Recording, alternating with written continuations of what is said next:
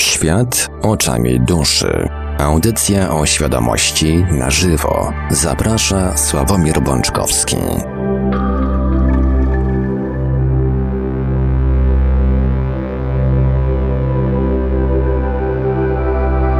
Witajcie bardzo gorąco i serdecznie na antenie Radia Paranormalium 23 marca roku pańskiego 2020 rozpoczynamy kolejny odcinek audycji Świat oczami duszy, audycją o świadomości w całości na żywo.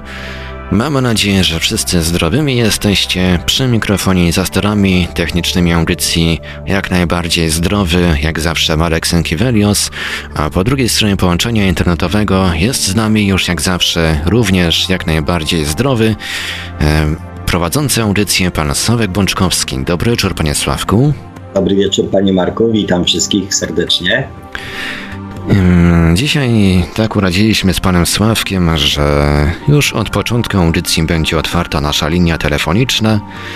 A więc podaję kontakty do Radia Paranormalium. Nasze numery to jak zawsze 32 746 0008, 32 746 0008, komórkowy 530 620 493, 530 620 493, skype radio.paranormalium.pl Można także do nas pisać na gadu pod numerem 36 08 8002 36 08 8002 Jesteśmy na czatach radia, jesteśmy także na czatach Radia Paranormalium na www.paranormalium.pl oraz na czacie towarzyszącym naszej transmisji na YouTube.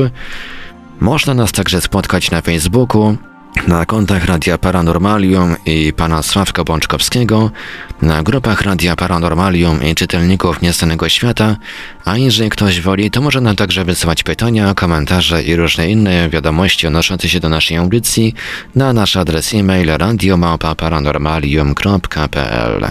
Z czystym sumieniem, myślę, mogę oddać głos panu Sławkowi. Dziękuję panie Marku.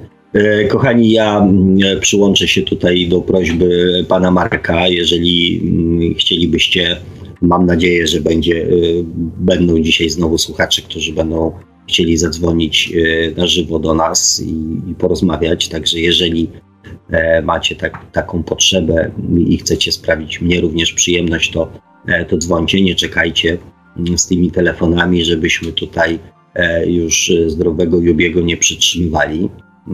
Także jak ktoś ma ochotę, to serdecznie zapraszam. Ja w dowolnym momencie oczywiście e, przerwę swój e, monolog. E, kochani, na początku odrobina autoreklamy, ponieważ miałem znowu mm, niewątpliwą, niesamowitą przyjemność kontaktu ze swoją najnowszą czytelniczką, którą przy tej okazji serdecznie pozdrawiam. Czytelniczką mojej książki i Oczywiście mnóstwo komplementów. Później żeśmy sobie, że tak powiem, bardzo, bardzo długo e, porozwijali pewne wątki, ponieważ e, to będzie właśnie ten moment na autoreklamę. E, słuchaczka przeczytała tę książkę podobno jednym ciągiem, po prostu wchłonęła ją i stwierdziła, że musi ją przeczytać drugi raz już teraz na spokojnie, mm, żeby sobie pewne rzeczy poukładać. Także zapraszam kupujcie i też odzywajcie się do mnie, bo to miód na moje, na moje serce. Kochani, o czym będzie dzisiejsza audycja? E, oczywiście mm, tematem przewodnim od e, jakiegoś czasu, tematem numer jeden w naszych, e, nie tylko naszych rozmyślaniach, zastanawianiach się, dywagacjach, dyskusjach, poradach jest kwestia tego, co się dzieje aktualnie na świecie, czyli coraz bardziej szalejącego i rozprzestrzeniającego się wirusa. E, więc e, na pewno do tego mm, tematu wrócę, może nie tylko pod kątem e, duchowym. Natomiast takim pytaniem mm, i zachęceniem do dyskusji, który, który chciałbym, żeby stał się wątkiem przewodnim dzisiejszej audycji, jest temat, który podrzuciła mm, mi jakiś czas temu E, nasza bardzo e, miła, wierna i aktywna słuchaczka. Pytanie, po co chce mi się żyć? Bardzo ciekawy jestem Waszych, że tak powiem, opinii. E, I to pytanie też nabiera jakby mm, w momencie, kiedy to nasze, nasze życie mniej lub bardziej mm, zostało zagrożone przez, przez wirusa, staje się mm, całkiem, że tak powiem, uzasadnione i warte przemyślenia. Także ja zarzucam to jako pytanie i mam nadzieję, że tutaj na czatach dacie upust i podzielicie się ze mną i z resztą słuchaczy e, tym, co Was, że tak powiem, motywuje i, powoduje to, że chce Wam się żyć. E, a ja w międzyczasie mm, wrócę do tematu, który mm, pojawił się w zeszłym tygodniu, tak jak powiedziałem, kwestia e, koronawirusa. Tak.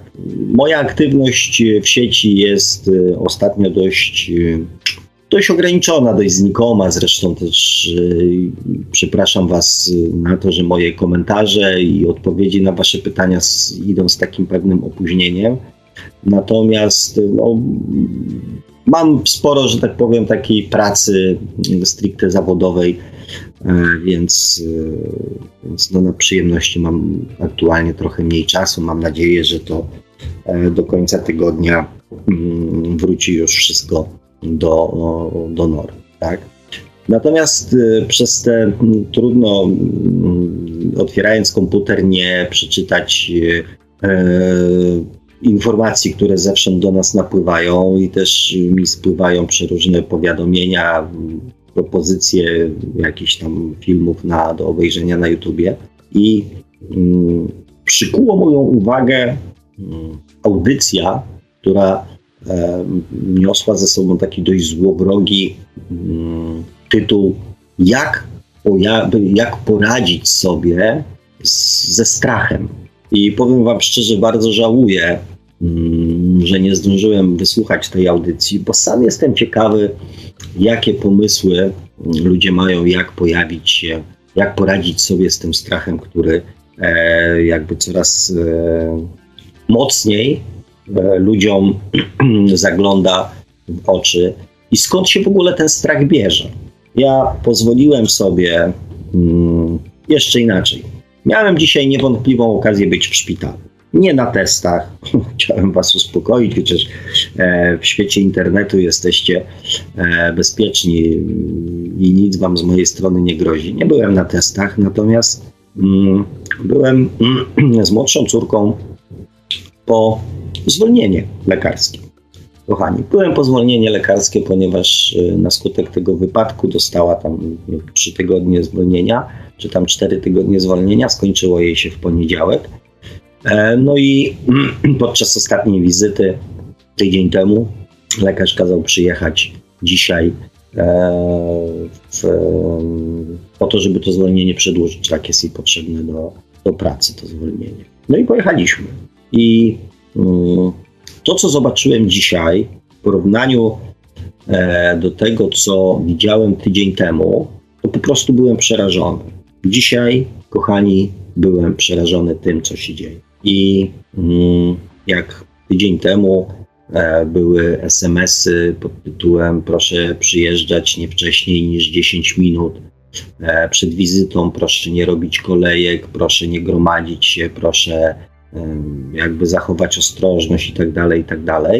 Tak w dniu dzisiejszym mm, chaos, który panuje mm, przynajmniej w tym szpitalu, w którym ja byłem, nie wiem jak jest wreszcie, natomiast będę miał jakieś informacje, ponieważ y, tam część moich znajomych się wybiera, to na zdjęcie szwów, to na coś tam, to na coś tam, więc nie wiem jak to wygląda w pozostałych szpitalach, natomiast jeżeli e, w taki sposób Mm, będzie to wszystko wyglądało, e, to również nam, Polakom, podejrzewam, że ten czarny scenariusz może zajrzeć, e, zajrzeć e, oczy. Ponieważ mówię, no dzisiaj już abstrahując od tego, że zostaliśmy ściągnięci po to, w zasadzie to nie wiemy, po co zostaliśmy ściągnięci, po co E, w dobie, kiedy mówi się wszystkim zostańcie w domu, zostańcie w domu, e, ściąga się, zresztą nie tylko my byliśmy, e, do szpitala, gdzie jest mnóstwo przeróżnych chorób. Zresztą okazało się, że, mm, że w tym szpitalu dzisiaj też wykryto jakiegoś tam koronawirusa. Ściąga się człowieka, No nie wiem, czy się orientujecie, że w tej chwili zwolnienie e, wystawia się elektronicznie.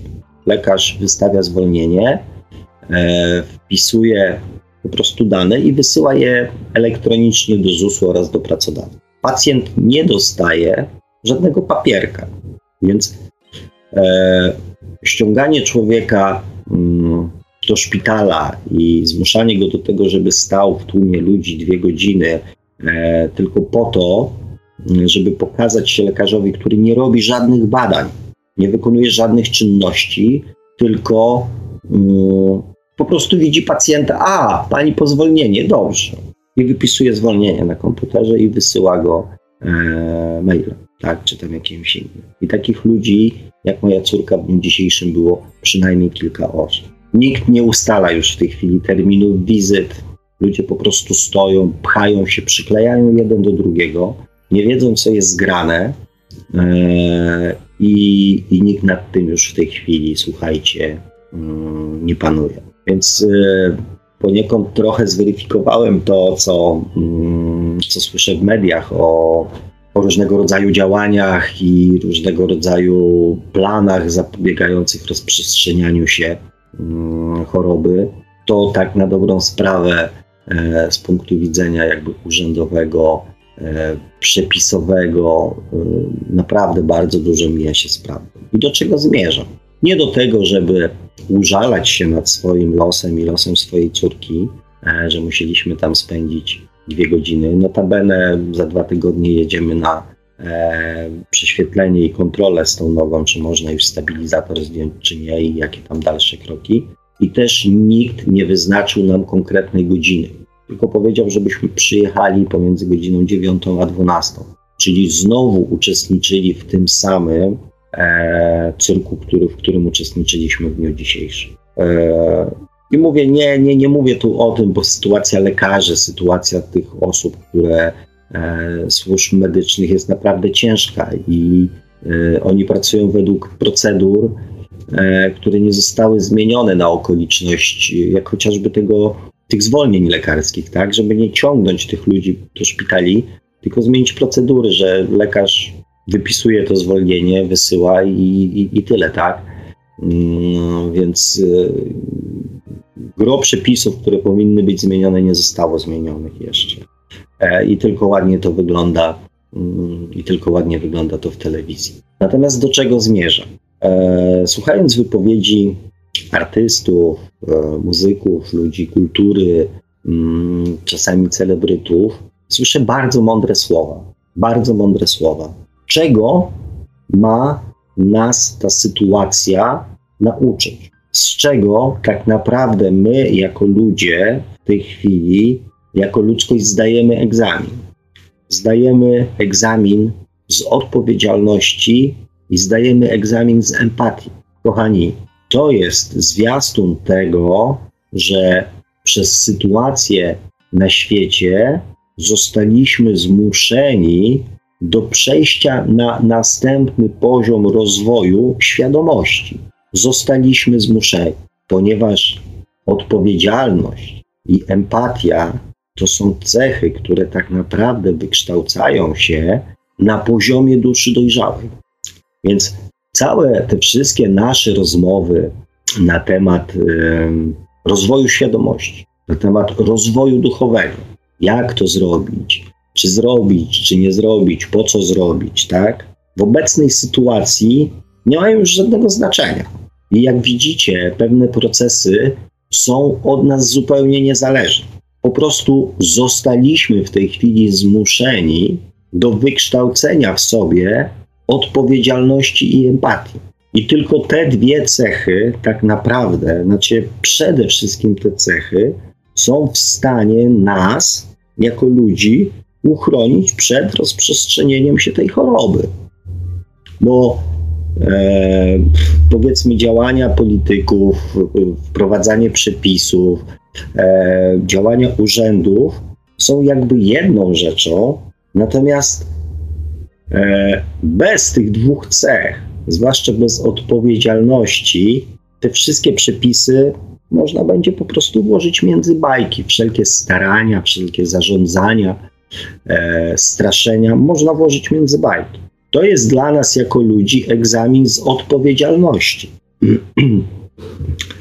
I mm, widać to też, e, jak e, jakby mm, po świecie porozrzucane są bądź e, gromadzone świadomości na różnych poziomach. Teraz to bardzo dobrze widać. Mm, oczywiście to nie jest przełożenie jeden do jednego, tak? Jak kiedyś, jak mówiłem o, mm, o tym, e, że mm, o różnych poziomach świadomości, jak to mniej więcej wygląda i jakie są cechy główne tych e, na każdym z tych poziomów, to już wtedy mówiłem Wam, kochani, że Polska jest krajem, e, gdzie jest bardzo dużo dusz dojrzałych. Polska to jest kraj, gdzie jest bardzo dużo dusz dojrzałych. Dlatego Polska była też krajem, który e, pewne rzeczy przełamywał, tak? Czyli pe pewne rzeczy zaczynały się od Polski.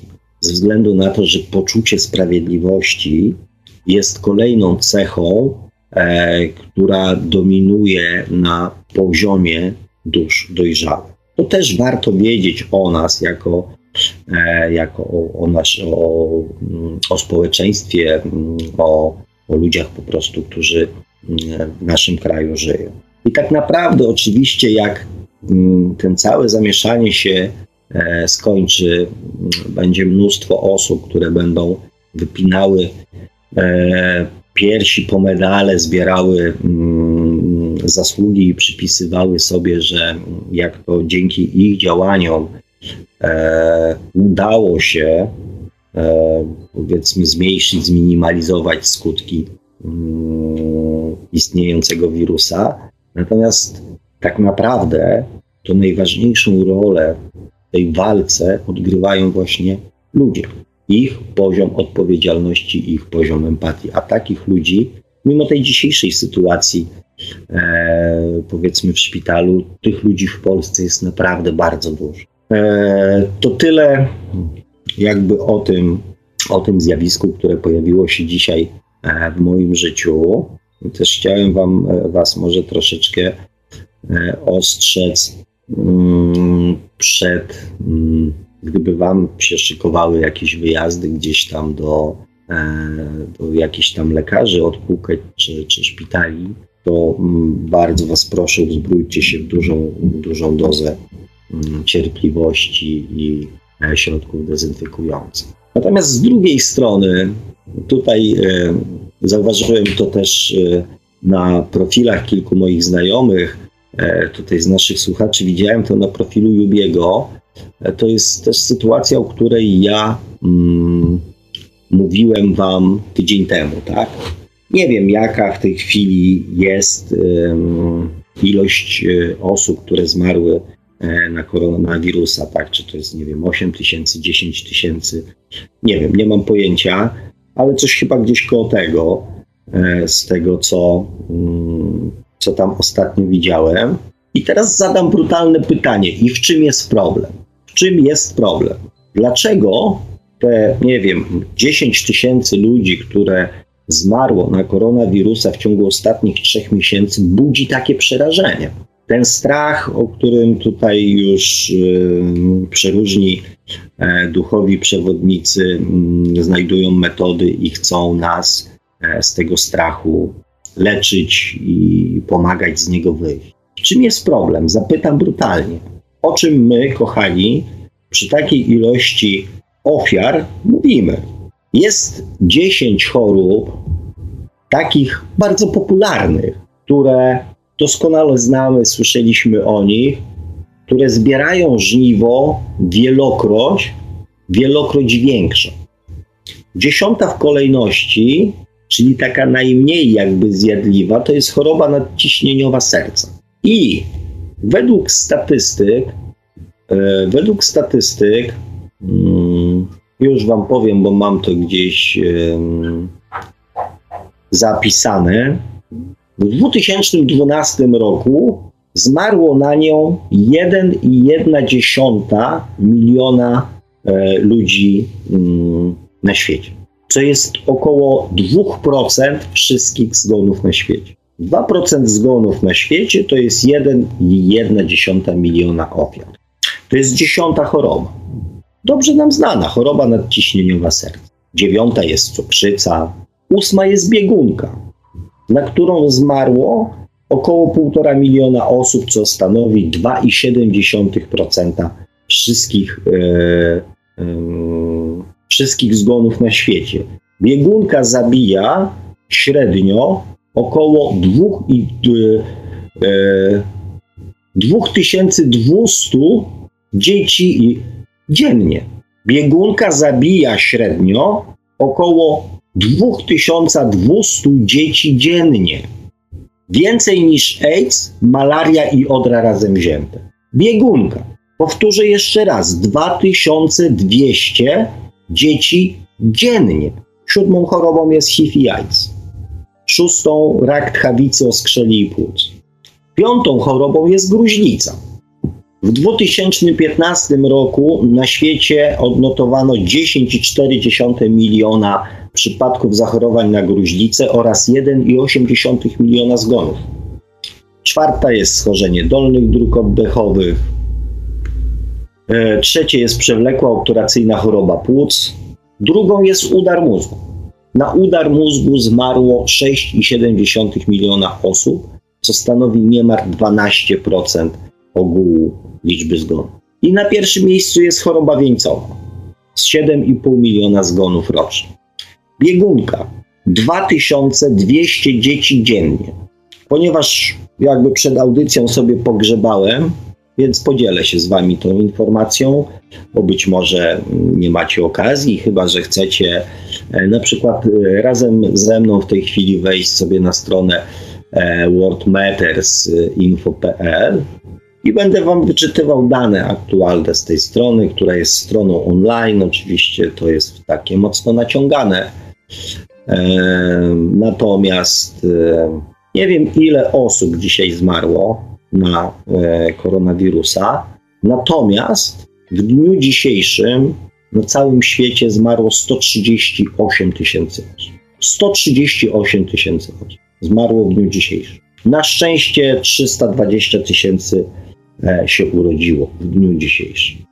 Jeszcze parę, że tak powiem, e, z takich ciekawostek, tak? Może na przykład chcecie wiedzieć, ile wysłano dzisiaj maili 222 e, miliardy. Natomiast samych tweetów w dniu dzisiejszym pojawiło się 657 milionów. Z ciekawostek mogę Wam powiedzieć też, e, ile mm, dwutlenku węgla wyprodukowano w tym roku w tonach. W tonach. 8 miliardów 200 milionów 850 tysięcy ton w tym roku. Ale to jakby tak przy okazji, ponieważ przewijam sobie stronę. Na świecie żyje 841 milionów niedożywionych osób. 841 milionów osób na świecie jest niedożywionych, a prawie miliard 700 jest osób z nadwagą. Samych osób otyłych jest 752 miliony. I teraz e, jeszcze jedno. Zapamiętajcie tą cyfrę. Osoby zmarłe z głodu na świecie dzisiaj 26 223 osoby. Dzisiaj na świecie zmarło z głodu 26 227 osób. Eee, I teraz na przykład zgony na choroby związane z wodą w tym roku 191 tysięcy. Jeszcze jedna informacja. Osoby bez dostępu do bezpiecznej wody pitnej 802 miliony 506 456 osób. Powtórzę jeszcze raz. Osoby bez dostępu do bezpiecznej wody pitnej 802 miliony osób. Ponieważ koronawirus jest chorobą e, zakaźną i powiedzmy zmarło w tym roku na nią około 10 tysięcy osób. Więc podam Wam, ile zgonów z powodu chorób zakaźnych było w tym roku na całym świecie. 2 miliony 950 tysięcy prawie. 2 miliony 950 tysięcy na inne choroby zakaźne. Na świecie w tym roku zmarło 1 725 tysięcy dzieci poniżej 5 roku życia. Na HIV-AIDS zmarło w tym roku 381 tysięcy osób. Na raka zmarło 1 864 tysiące osób.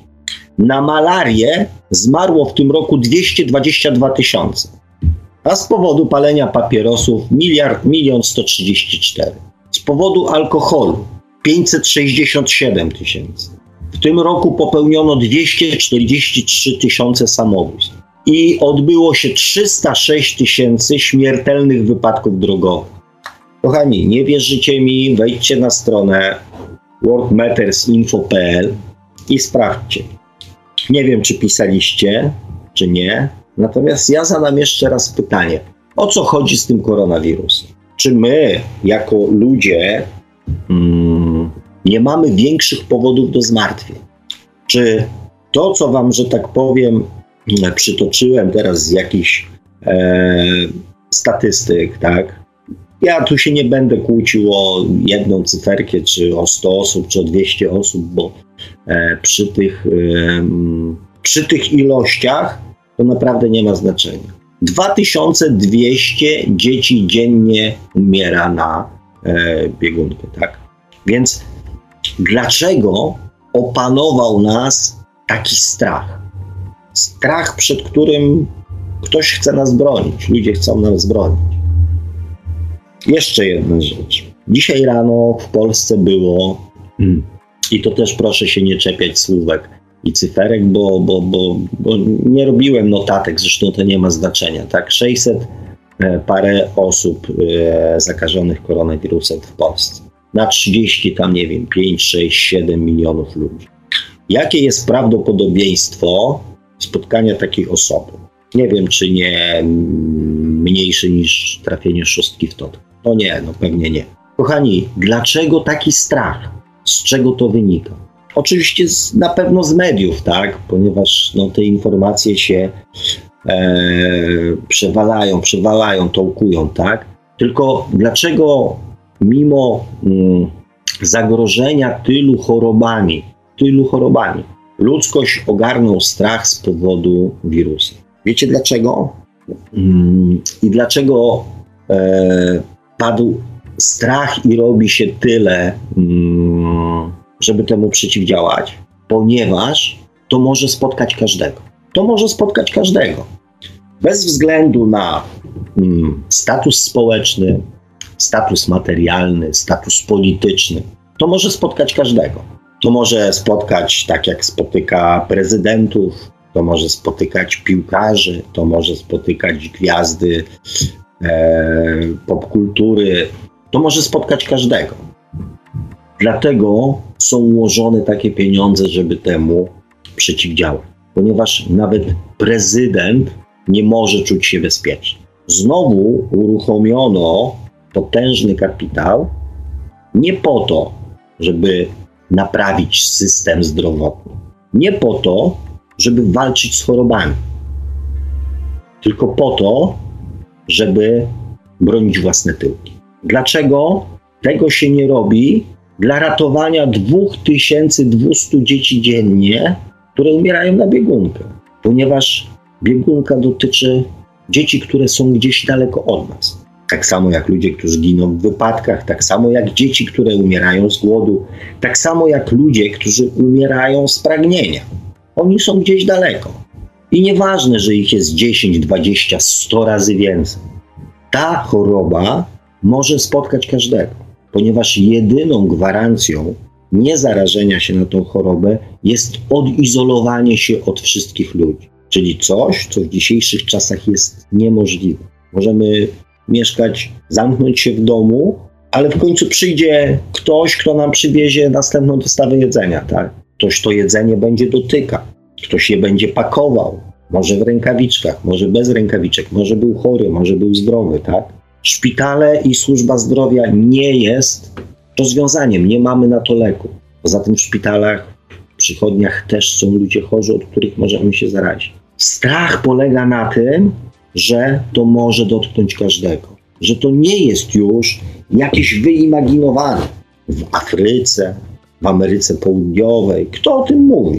Kochani, jakie wiadomości mówią o tym, że dziennie z powodu biegunki umiera 2200 dzieci na świecie? Dziennie. Kto o tym mówi? Kogo to interesuje? Ale raptem mówi się nam, że co? Że wszyscy teraz stanęli, wszyscy, którzy mają władzę i moc, raptem się okazuje, że oni stanęli ratując, żeby ratować nasze życie i nasze zdrowie. Nie, kochani. Oni tak się zmobilizowali, bo oni ratują swoje życie i zdrowie, ponieważ akurat ta forma choroby może dotknąć każdego człowieka. Umieralność z całym szacunkiem porównaniu z tymi cyframi, które ja przytoczyłem, jest znikoma. Pompuje się balon strachu, e, może też dlatego, żeby podnieść jakby wartość tego, co się robi. Kochani, reasumując, ja nie chcę oceniać. To nie jest kwestia oceny. To jest kwestia suchych faktów, które wam podałem. Nie dajcie się zmanipulować. Nie dajcie się zapędzić w kozi ruch. Ponieważ jest to audycja o świadomości, to te fakty, te cyfry, te suche cyfry musiały się, musiały się pojawić. Po to właśnie, żeby świadomość ludzi była większa. Zrobicie jakby z tym to, co uznacie za słuszne. Ja nie ujmuję nic nikomu, nie umniejszam ryzyka e, strachu, obaw czy śmierci żadnego człowieka. Nie bagatelizuję tego i nie uważam, że któraś była mniej bądź bardziej wartościowa. Zwłaszcza, że jak Wam mówiłem i mówiłem nawet to przed chwilą, tak? To jest choroba, przed którą nikt nie może czuć się pewny i bezpieczny, ponieważ zarazić się może każdy człowiek, również ja. Ja nie mam patentu na to, żeby się nie zarazić. Bywam między ludźmi i tak dalej, i tak dalej. Jestem takim samym kręgu ryzyka jak, e, jak większość z nas.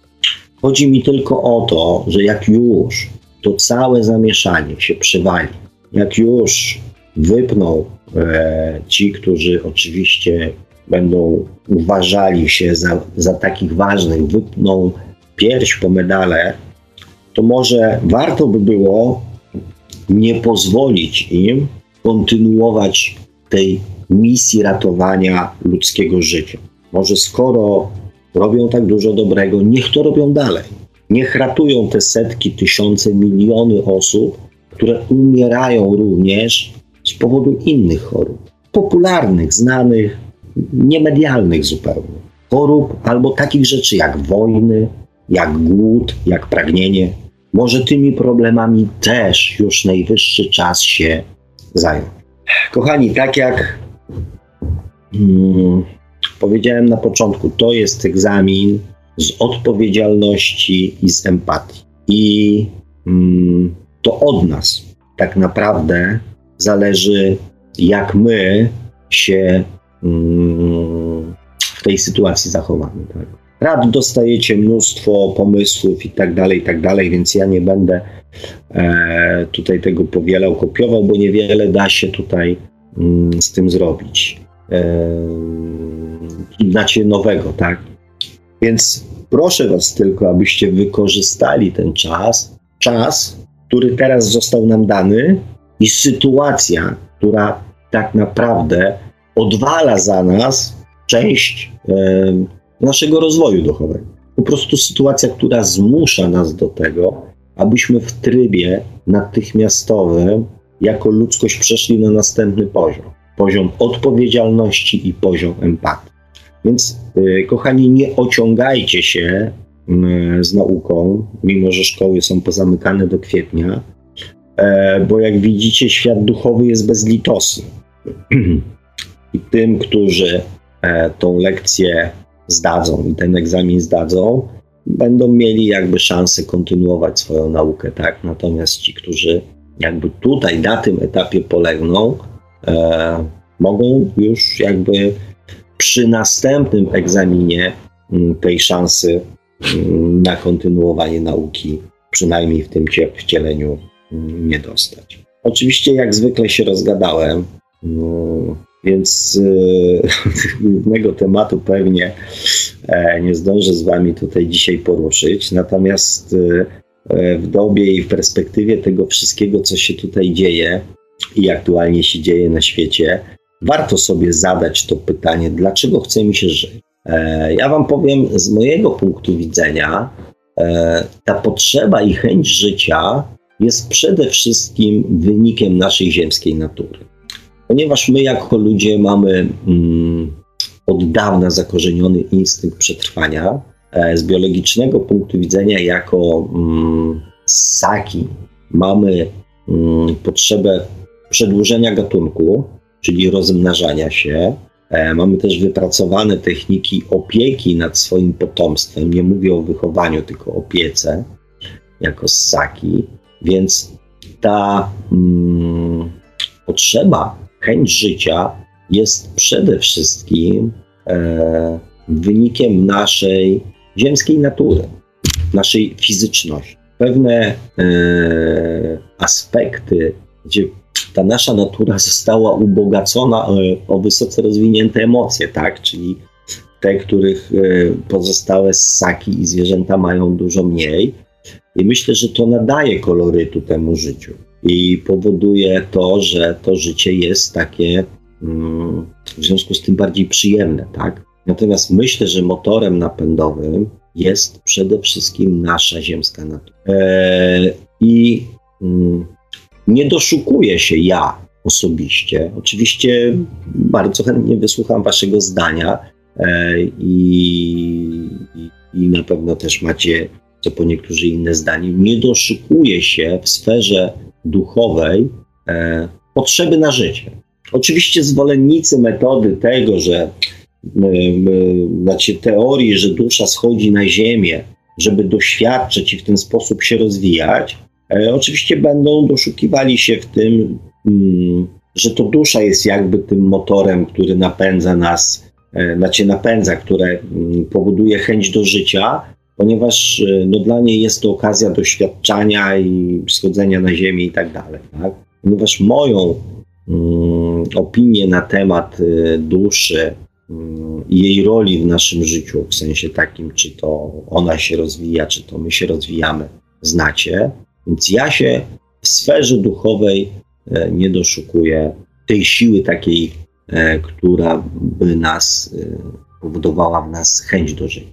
No ale oczywiście jest to, mm, kochani, mm, moje, tylko i wyłącznie moje zdanie. Eee, no dobrze, ponieważ mam ochotę odpowiadać Wam na komentarze, które mam nadzieję pojawiły się e, podczas audycji. E, I też mam nadzieję, że ktoś wykona ten telefon w dniu dzisiejszym, żeby się podzielić z nami na żywo swoimi przemyśleniami.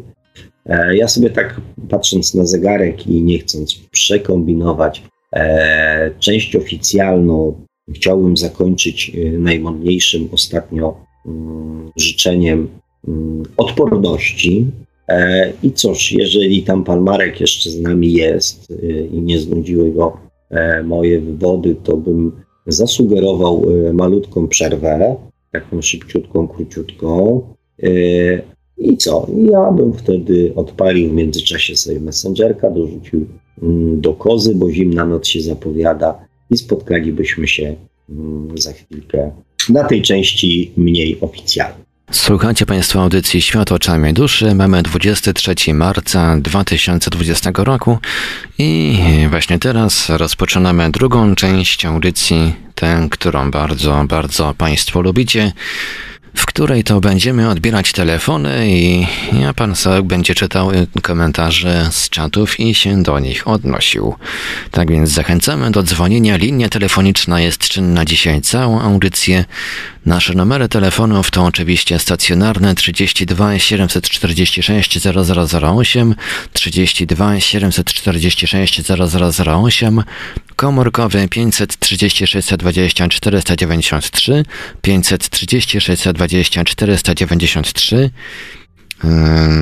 Jesteśmy także na Skype'ie radio.paranormalium.pl Można także do nas pisać na gadu pod numerem 36 08 8002 36 08 8002 Jesteśmy także na czatach Radia Paranormalium na www.paranormalium.pl oraz na czacie towarzyszącym naszej transmisji na YouTube. Można nas także spotkać oczywiście na Facebooku, na fanpage'ach Radia Paranormalium i profilu pana Sławka Bączkowskiego, na grupach Radia Paranormalium i czytelników Nieznanego Świata, a jeżeli ktoś woli, to może nam także wysyłać pytania, komentarze i różne inne wiadomości odnoszące się do naszej audycji na nasz adres e-mail radiomapa.paranormalium.pl no dobrze, czyli teraz ja. E, kochani, mamy 8.07 według czata mm, i tutaj drogi Adam pisze, także polecam książkę pana Sławka. E, dziękuję ci drogi Adamie za, za rekomendację. E, I cóż, tam Sanchez pisze, wirus proszę pana to tylko przykrywka. Kochani, ja jakby mm, już parę razy mówiłem, nie chcę się tutaj zanurzać w teorie mm, spiskowe, e, chociaż y, widzę przeróżne, że tak powiem, doniesienia o tym, co tam kilka lat temu ktoś coś gdzieś, nie zagłębiam się w to, e, ponieważ y, mm, jakby to nie ma już w tej chwili większego znaczenia.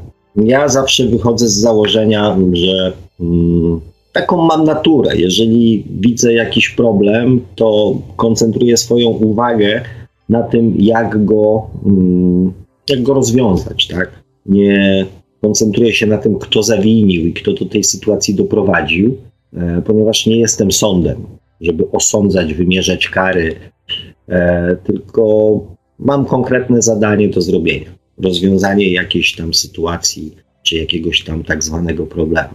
Więc e, zresztą jest mnóstwo różnych audycji, które się tą tematyką zajmują, e, więc jeżeli mm, ktoś ma potrzebę, tak, ustalenia przyczyny, e, czyli spędzenia swojego mm, cennego bądź co bądź czasu na tego typu rozkminki, to jak najbardziej. Tu jest, że tak powiem, dowolność i mm, i każdy może ze swoim czasem zrobić co chce.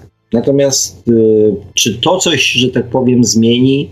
Ja cały czas od początku tych audycji e, powtarzam jedną rzecz. To, co możemy zrobić, to zmienić siebie. Na to mamy bezpośredni wpływ i też taka jest nasza, e, nasze zadanie, nasza rola, żeby zmieniać samego siebie. Więc y, więc ja się na tym skoncentruję, tak? Na tym, jak, e, jak to zrobić, i też będę Was e, do tego też ze swojej strony namawiał. Adam odpowiada, Sanchez, domniemana przykrywka to oczywiście nie jest powód, aby ryzykować zdrowie innych lub własne bagatelizowaniem kwarantanny. Na mnie e, odżywczo działa ten relaks w domu. Ja powiem tak, na cieszę się Twoim dobrym samopoczuciem. Natomiast całkowicie się zgadzam z tym, że e, to zresztą o czym mówiłem kilka razy w ciągu audycji. To jest e, dla nas jako ludzi egzamin e, z dojrzałości, odpowiedzialności, świadomości i, mm, i empatii. Więc e, i do tego Was cały czas namawiam. E, Sanchez pisze dla innych relaks, dla innych introwertyków święty spokój, a dla innych y, kwestie gospodarcze. E, takiego kryzysu gospodarczego nigdy nie było, jaki będzie. E, no i tu się otwiera przed nami pole do działania, tak? Skoro już to jakby wiemy, przewidujemy, i też widzę, tutaj pisze, e, rób te zapasy na jesień, bo to, co się dzieje teraz, to prolog. E, nie wiem, ja nie będę tej, że tak powiem, tutaj spirali nakręcał, bo to, co będzie, to jakby jest dopiero przed nami, tak? E, więc e, Sanchez pisze, został wywołany kryzys gospodarczy i sprawdzanie, jak e, poddańczymi, poddańczymi mogą być, e, mogą być ludzie. E, nie wiem. Kochani, ja kwestiami gospodarczymi i też jakby poniekąd politycznymi w audycji zajmował się nie będę, e, ponieważ nie czuję się ani znawcą tematów politycznych, ani tym bardziej gospodarczych. Mm, więc czyńcie, co wam serce i rozum nakazuje. E, Sanchez pisze, ja będę plądrował. E, no, nie wiem, czy to jest, czy to jest dobry kierunek, ponieważ we Włoszech policja poprosiła przestępców o to, żeby zaprzestali swojej normalnej zawodowej aktywności. Mało tego, mm, obiecała, że poinformuje, kiedy będą mogli wrócić do swojej pracy, więc plądrowanie, jak widać, już też e, nie jest e, w dobrym tonie. Nawet bycie bezdomnym, tym razem we Francji, nie jest w dobrym tonie. Bezdomni w Paryżu i w kilku innych miastach, proszę sobie wyobrazić, e, dostają mandaty za to, że nie siedzą w domu. O! Francja. No to ciekawostka. To nie słyszałem o takim przypadku. E, ale to ja w dalszym ciągu, że tak powiem, uważam, że do momentu, dopóki e, ludzie będą się kierowali w życiu przepisami, a nie rozumem, e, to, to daleko nie zajedziemy. No tak.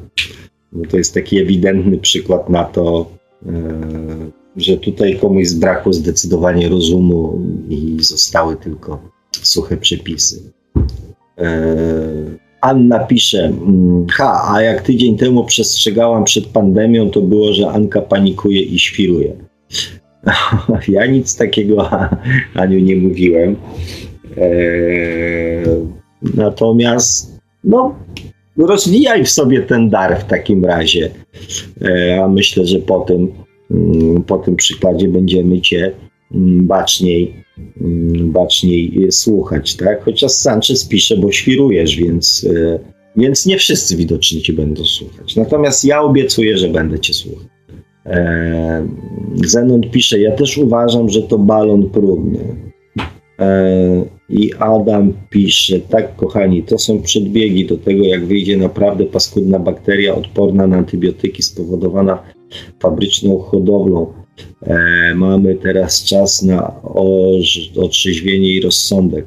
E, no więc właśnie, kochani, mm, to też rozmawialiśmy o tym tydzień, e, tydzień temu. Ja się całkowicie z Wami zgadzam, że to jest dopiero jakby, mm, jakby próba, jakby próba, może, może nie generalna, ale na pewno próba, tak? Mieliśmy już wcześniej jakieś tam przypadki tych różnego rodzaju świrusów, tak? Pytanie jest, dlaczego ludzie chorują, dlaczego ludzie mają niską odporność. Eee, oczywiście powodów może być wiele, natomiast myślę, że nad tym właśnie powinniśmy skoncentrować swoją uwagę, jak poprawić swoją własną odporność. Bo oprócz odrobiny szczęścia, oprócz zdrowego rozsądku, odpowiedzialności, to ważnym czynnikiem jest tutaj w tej walce z wirusem jest odporność. Dlaczego e, ludzka y, odporność ludzi tak spadła. Tak? Ci, którzy y, mają podobne, mm, podobną ilość lat co ja, z pewnością pamiętają, jak się kiedyś, nie wiem, w latach 70. czy 80. przechodziło grypę. Grypy nikt nie leczył. Grypę się po prostu przeleżało w domu. Jeżeli człowiek miał grypę, to leżał w domu. Jak był jakiś cięższy przypadek, to co? To się stawiało człowiekowi bańki. Herbata e, z cytryną, mleko z masłem i z miodem, przeróżnego rodzaju e, babcino wynalazki, tak? E, wsadzanie wody do miski z gorącą wodą, żeby wypocić, rozgrzać, wypocić, rozgrzeć, wypocić i wyleżeć. Ja z tamtych czasów z antybiotyków, które pamiętam, znaczy nie pamiętam dokładnie, to były chyba dwa. Hmm, jakiś biseptol był czy coś takiego.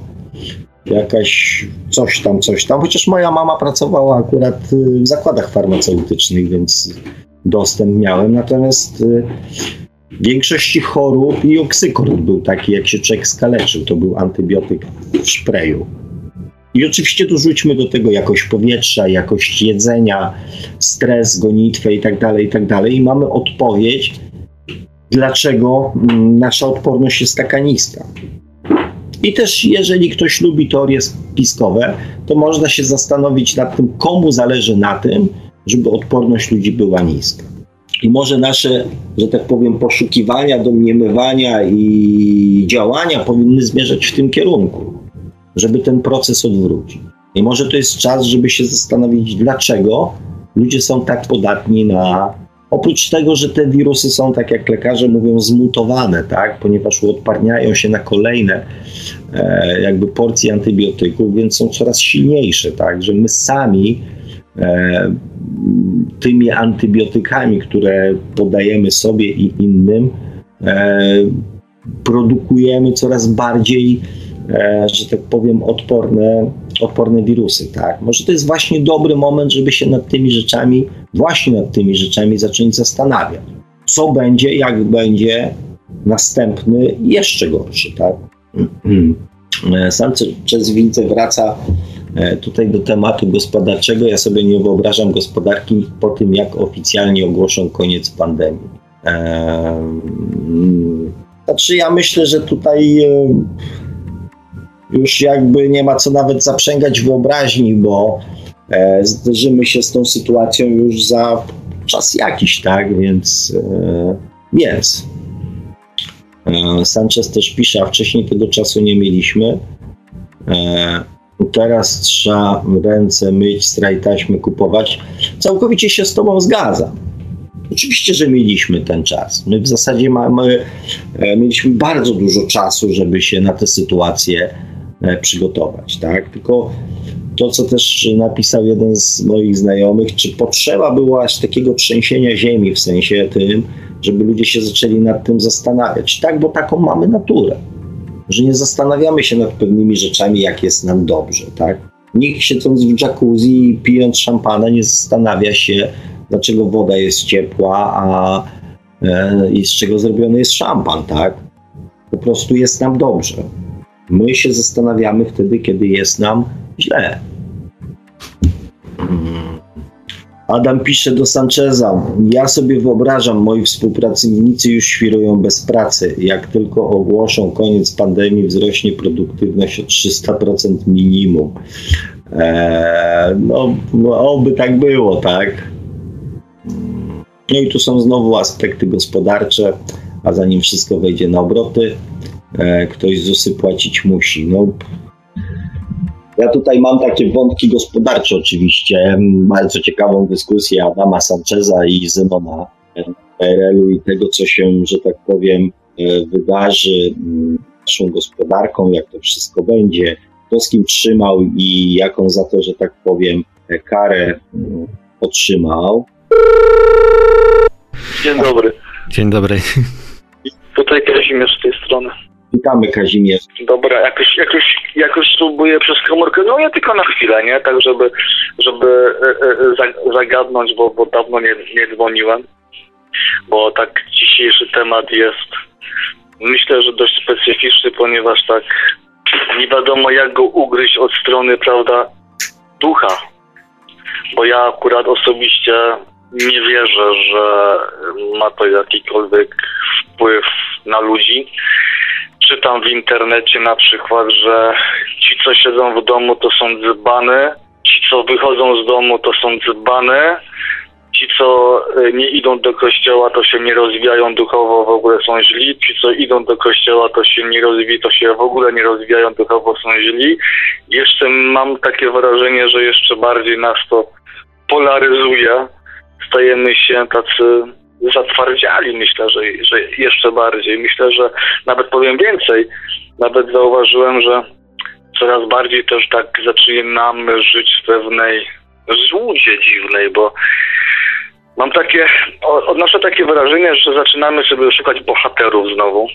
Na przykład lekarze są wielkimi bohaterami, bo ciężko dla nas pracują. Tam e, ci e, e, kierowcy tirów są wielkimi bohaterami, bo ciężko pracują. Pracownicy w sklepach są bohaterami, bo ciężko pracują. Tylko chyba każdy z nas zapomniał o jednej rzeczy. Nikt z nich nie pracuje dlatego, aby być bohaterem, tylko żeby mieć pieniądze. Gdyby nie musieli iść do tej pracy, to by siedzieli w domu. I moim zdaniem bohaterem bardziej to jest ten, który nie musi iść, a jednak idzie i pomaga. I też w tej, w tej sytuacji zastanawiałem się, jak to wszystko będzie się rozwijać, jak funkcjonować, czy co, mam, mam się, nie wiem, zaszyć w domu, na miesiąc, na dwa, na trzy, co za miesiąc, co za dwa, może wypadałoby jednak coś zacząć samemu działać, komuś coś pomóc, może ktoś będzie coś potrzebował.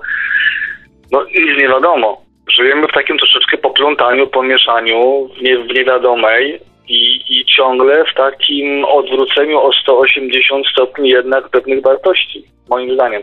No i tam o 180 stopni, no, w niektórych sytuacjach na pewno, tak? Natomiast y, e, tutaj padło takie stwierdzenie, że mm, co to ma wspólnego z duchowością. To znaczy, ja nawet dzisiaj ze swoją Nie, to córką... nie, to nie, to nie padło, ty, chyba. Nie? Nie wiem, przepraszam, przepraszam, nie wiem, bo po prostu wcho- wchodziłem ciężko, może, może to powiedziałem, nie wiem, ale to, to niech będzie. E, Znaczy, tak czy inaczej jest to fajny temat do tego, żeby, e, żeby o tym powiedzieć, tak?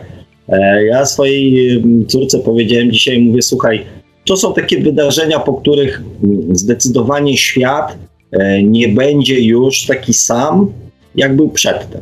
Więc w sferze świadomości, a ja jakby sferę świadomości bardzo mocno przypisuję do e, sfery duchowej, w sferze świadomości e, na pewno bardzo dużo się zmieni.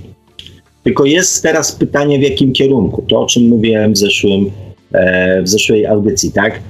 E, do jakich wniosków my po tym doświadczeniu dojdziemy, tak? Czy znowu, czy znowu będziemy się zachowywali tak jak e, przez ostatnie tysiąclecia, tak? Że jesteśmy panami świata i wszechświata i, i poradziliśmy sobie z tym, z tamtym, śmamtym, owamtym i z tym sobie też jako ludzkość poradziliśmy, więc jesteśmy zajefajni, najekstrzejsi i w ogóle the best of, tak? Jeżeli pójdziemy w tym kierunku, e, to dostaniemy następną lekcję, tak? Natomiast jeżeli e, jako ludzkość dojdziemy jednak do wniosku, że są rzeczy, które mimo największych, że tak powiem, najbardziej rozwiniętej e, medycyny, cywilizacji, nauki itd., itd., e, nad którymi nie jesteśmy w stanie panować i zaczniemy zastanawiać się nad współpracą, e, to myślę, że to będzie taki zdecydowanie mm, troszeczkę właśnie obrót w kierunku tego, czego powinniśmy, że tak powiem, z tego doświadczenia się nauczyć. I myślę, że to jest bardzo mocny aspekt duchowy, ponieważ my zostaliśmy teraz, jedni zostali na siłę e, zmuszeni do przebywania ze swoimi bliskimi poprzez kwarantanny, więc dla niektórych to też będzie szok. A niektórzy bliscy E, mają, ale mają niebieską kartę. No niektórzy tu różne, myślę, że po zakończeniu tej kwarantanny mogą być różne aspekty, mogą się tu różne sytuacje pojawić, tak, jedni, jak mówią, y, y, y, będą o 10 kilo e, starsi, inni zostaną alkoholikami, a jeszcze ktoś inny będzie w ciąży albo po rozwodzie, tak, więc, więc tu jest też taka próba e, dla ludzi, a z drugiej strony zostaliśmy bardzo mocno od siebie pozbawieni e, tych naszych takich ludzkich zachowań, typu cześć, cześć, e, nie wiem, przytulanie się, e, nie wiem, całowanie, te wszystkie objawy bliskości, tego zostaliśmy pozbawieni ze strachu. Więc to będzie następna próba dla nas, jako, jako dla ludzi, jak sobie z tą, e, z tą sytuacją poradzić, tak? Co, No co tak, ale wygra? to Czy brzmi, wygra strach? Czy... to brzmi w twoich słowach, No. jakby, jakby nadszedł, e, jest, taka, e, jest taki nurt w, w branży. Mówi się, że mówiło się od pewnego czasu, że nadchodzą wielkie zmiany i te zmiany są planowane. E, Tam były jakieś tam przekazy z, z Oriona i, i, i że, że już się szykujcie i tak dalej. No to tak właśnie brzmi e, z twoich ust troszeczkę, więc może tutaj wybroń się, co masz na myśli, bo ja na pewno nie wierzę, że, że to wszystko ma y, jakiś, nie wiem, coś planowanego.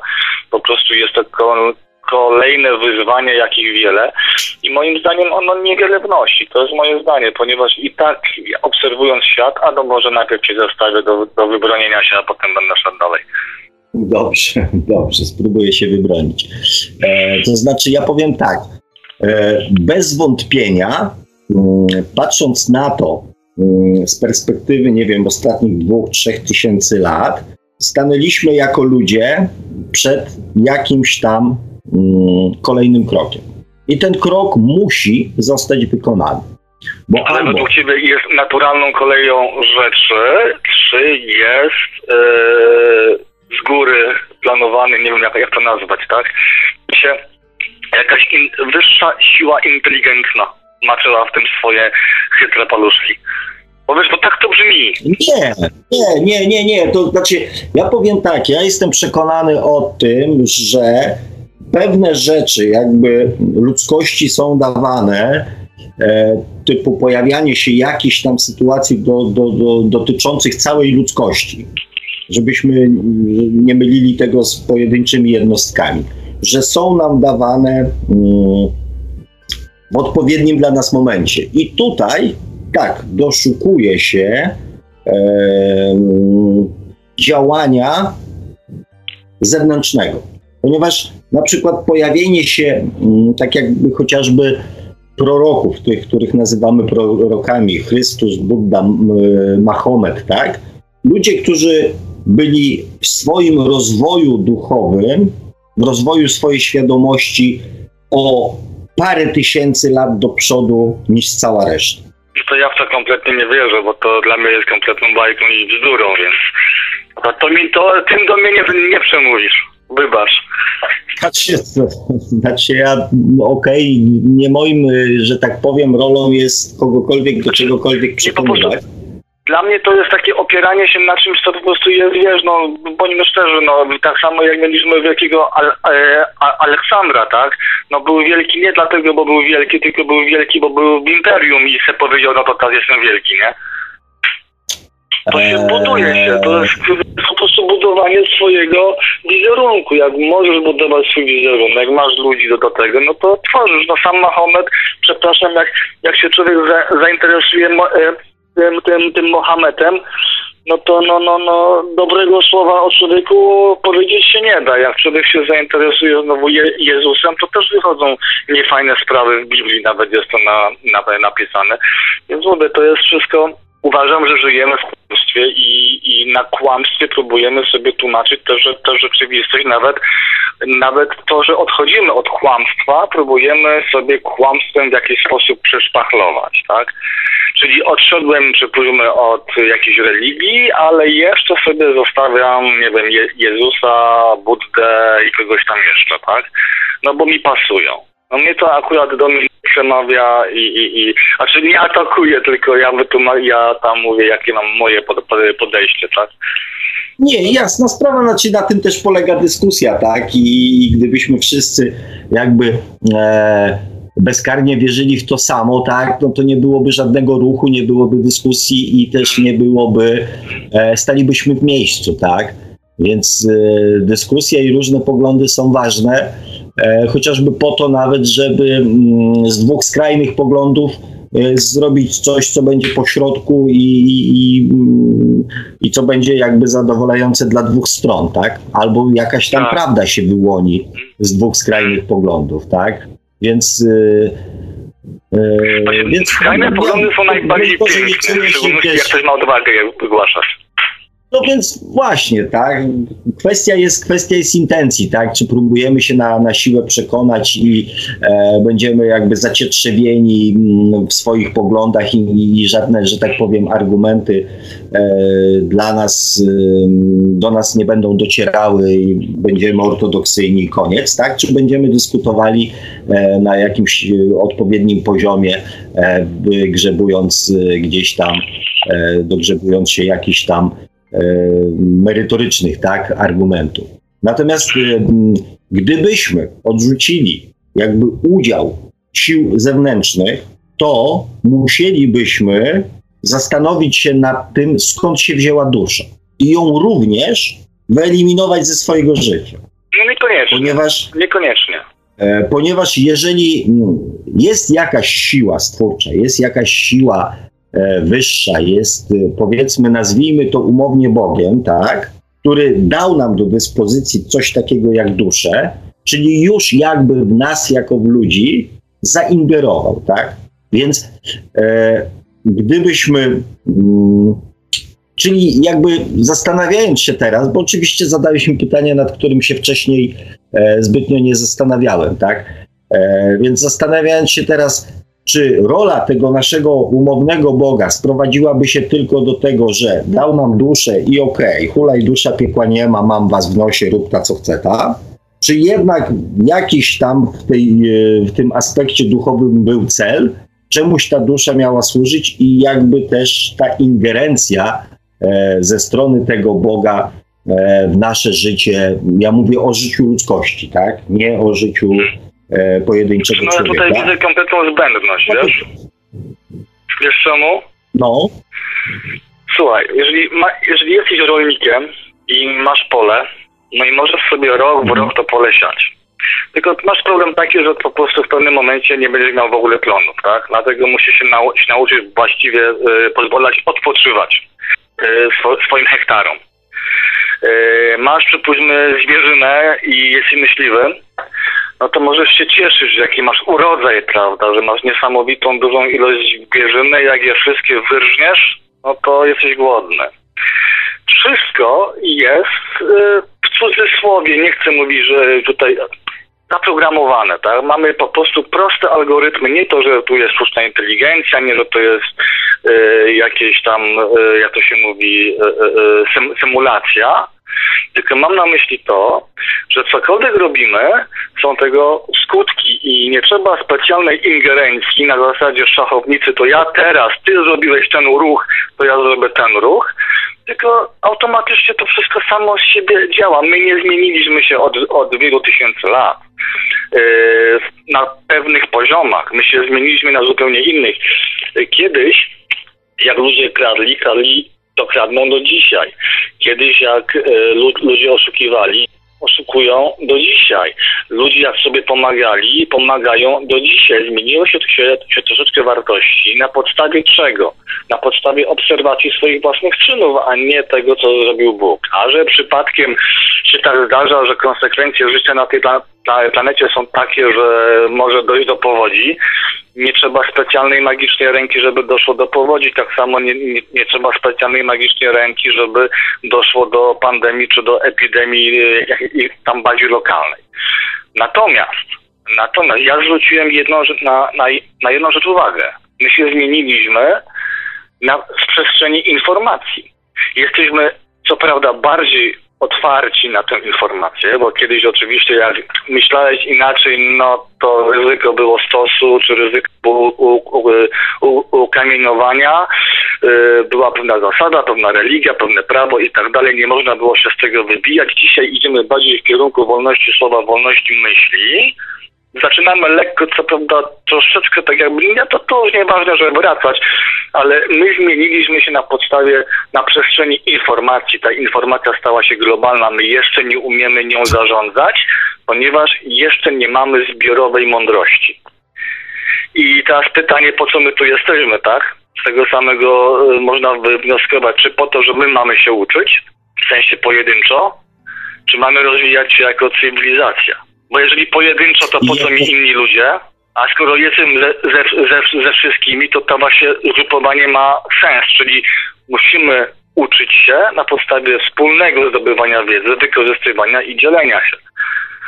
Czyli nie trzeba tutaj ingerencji żadnej z zewnątrz, że ktoś porusza pionkiem w odpowiedzi na nasze ruchy, ponieważ każdy nasz ruch to ma za sobą jakieś konsekwencje sam z siebie niesie i albo będziemy szli dobrze i nic się nie porypie, albo będziemy szli źle, sami doprowadzimy do jakiegoś problemu, albo no przypadkiem coś się wydarzy, no bo jeszcze nie, opa nie opanowaliśmy, przypuśćmy, nie wiem, kon kontroli pogody, prze przewidywania trzęsień ziemi, z tego tsunami yy, i co tam jeszcze, I, i nie poradziliśmy sobie z wirusami. Nie trzeba ingerencji na mnie tutaj. Co nie znaczy, że nie znaczy, musi być Boga. E, ja tutaj, e, że tak powiem, bo tu się mnóstwo wątków pojawiło, dlatego już ci postanowiłem wejść w słowo, e, bo za chwilę tego nie momencie, bo, bo, bo skończyłem.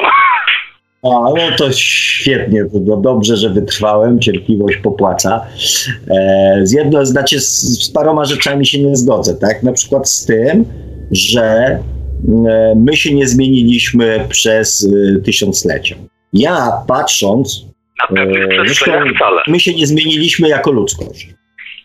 Ja swoją gdzieś tam teorię, oprócz swoich odczuć, buduję też na analizie.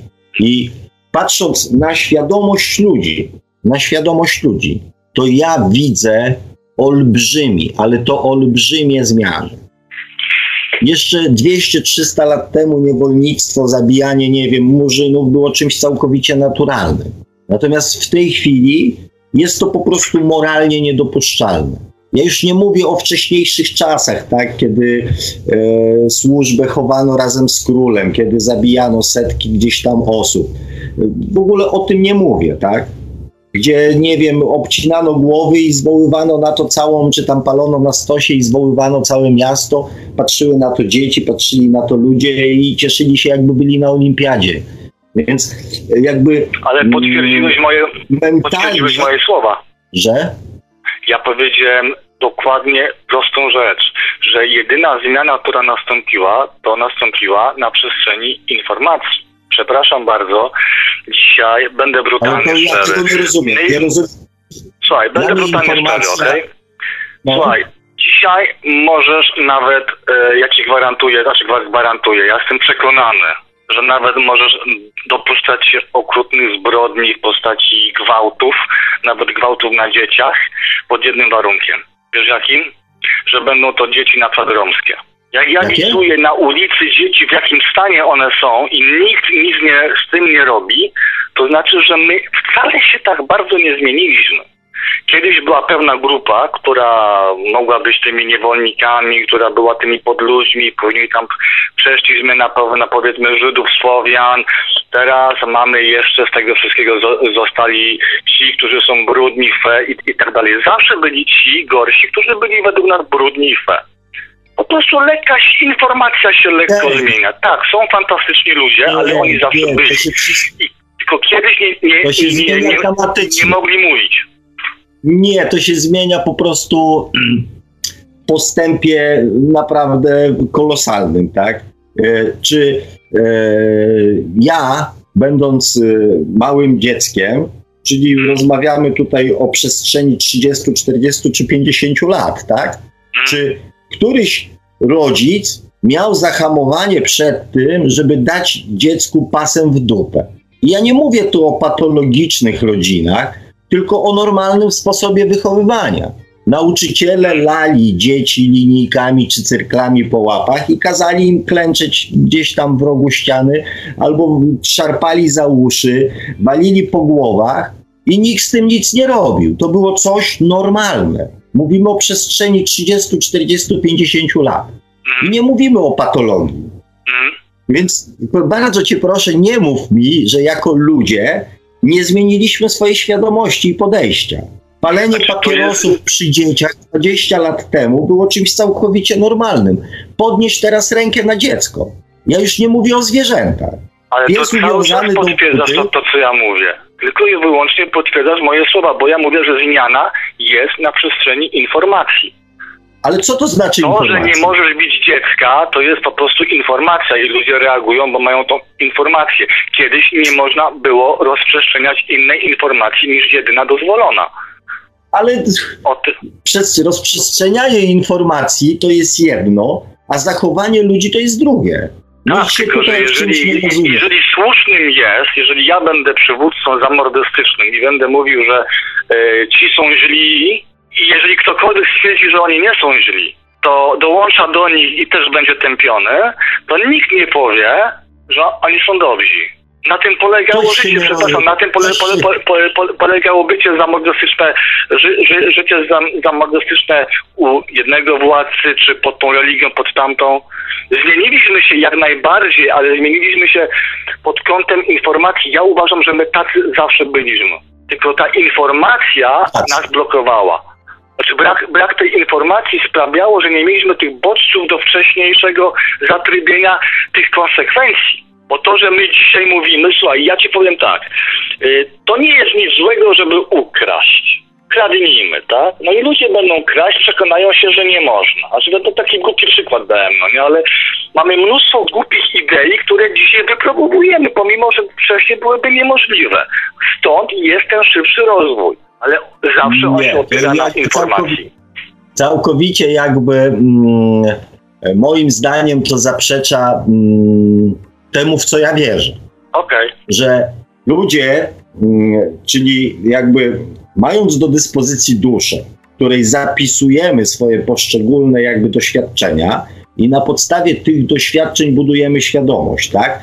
Czyli kiedyś mogliśmy kraść, żeby sprawdzić, czy bycie złodziejem sprawi nam radość, przyjemność i czy będziemy z, tym, z, z tego powodu szczęśliwi. Mogliśmy zabijać, żeby sprawdzić, czy to jest fajne.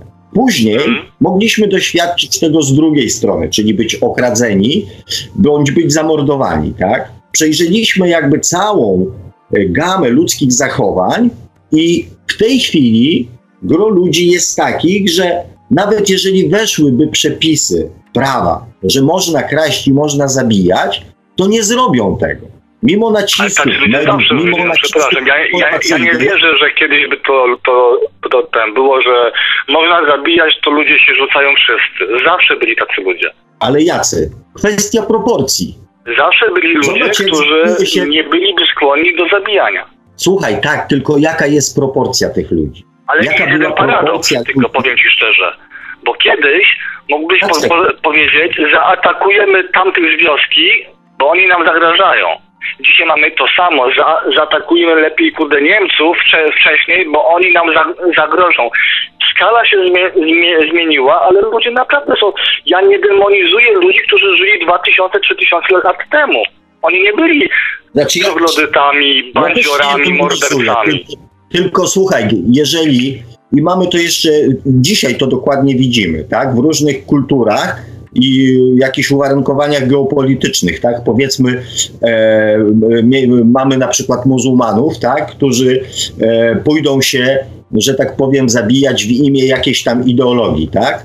Rzuć teraz ideologię, że idziemy, nie wiem, walić Niemców i zbierz, rozumiesz, e, tak jak kiedyś szła cała wioska i nikt się nad tym nie zastanawiał. Chłopiec stary, dorosły, brał kosę, siekierę, karabin, co miał i szedł mordować. W tej chwili zwołaj, rozumiesz, nie wiem, 100 tysięcy osób, które powiedzą, że w imię jakiejś idei pójdą zabić drugiego człowieka. I, i powiedz mi, że, że, że nic się nie zmieniło. Słuchaj, yy, ja nie uważam, że kiedyś było możliwe zwołanie tak ludzi. To wiesz, kiedyś zwoływałeś w ten sposób ludzi na zasadzie takie, że ci ludzie wiedzieli, że i tak tamci nam zrobili krzywdę i to całkiem nie- niedawno. Wiesz, inne, inne czasy. My oceniamy inne czasy względem naszych. Względem naszych czasów, gdyby na przykład, nie wiem, 100 to- Niemców weszło nam przez granicę do Polski, zaczęło bić ludzi, to tysiąc Polaków by się zaczęło prze, przewalać na granicę niemiecką, walić w Niemców i by się to eskalowało. Jakby nikt tego nie powstrzymał, a uważam, że kiedyś interesów takich nie było, żeby to powstrzymywać, to się zaogniało, zaogniało, zaogniało i mieliśmy, i mieliśmy częste wojny, yy, rządy, siły. Tak, zmieniło się względem tylko i wyłącznie tego, że dzisiaj możemy o tym mówić. Dzisiaj jesteśmy w stanie o tym mówić i dzisiaj łatwiej jest nam doświadczać tego, czego nie doświadczyliśmy fizycznie. Nie. Uważam, przez to, że my rozmawiamy. nieprawdą- e, Nieprawdą jest to, ponieważ ja sam nawet w dniu dzisiejszym e, miałem Mhm. przekrojówkę jakby e, osobowości, czyli dla mnie rozwoju świadomości ludzi, tak? A to ja wiem, że są Nawet różni chociażby ludzie, no.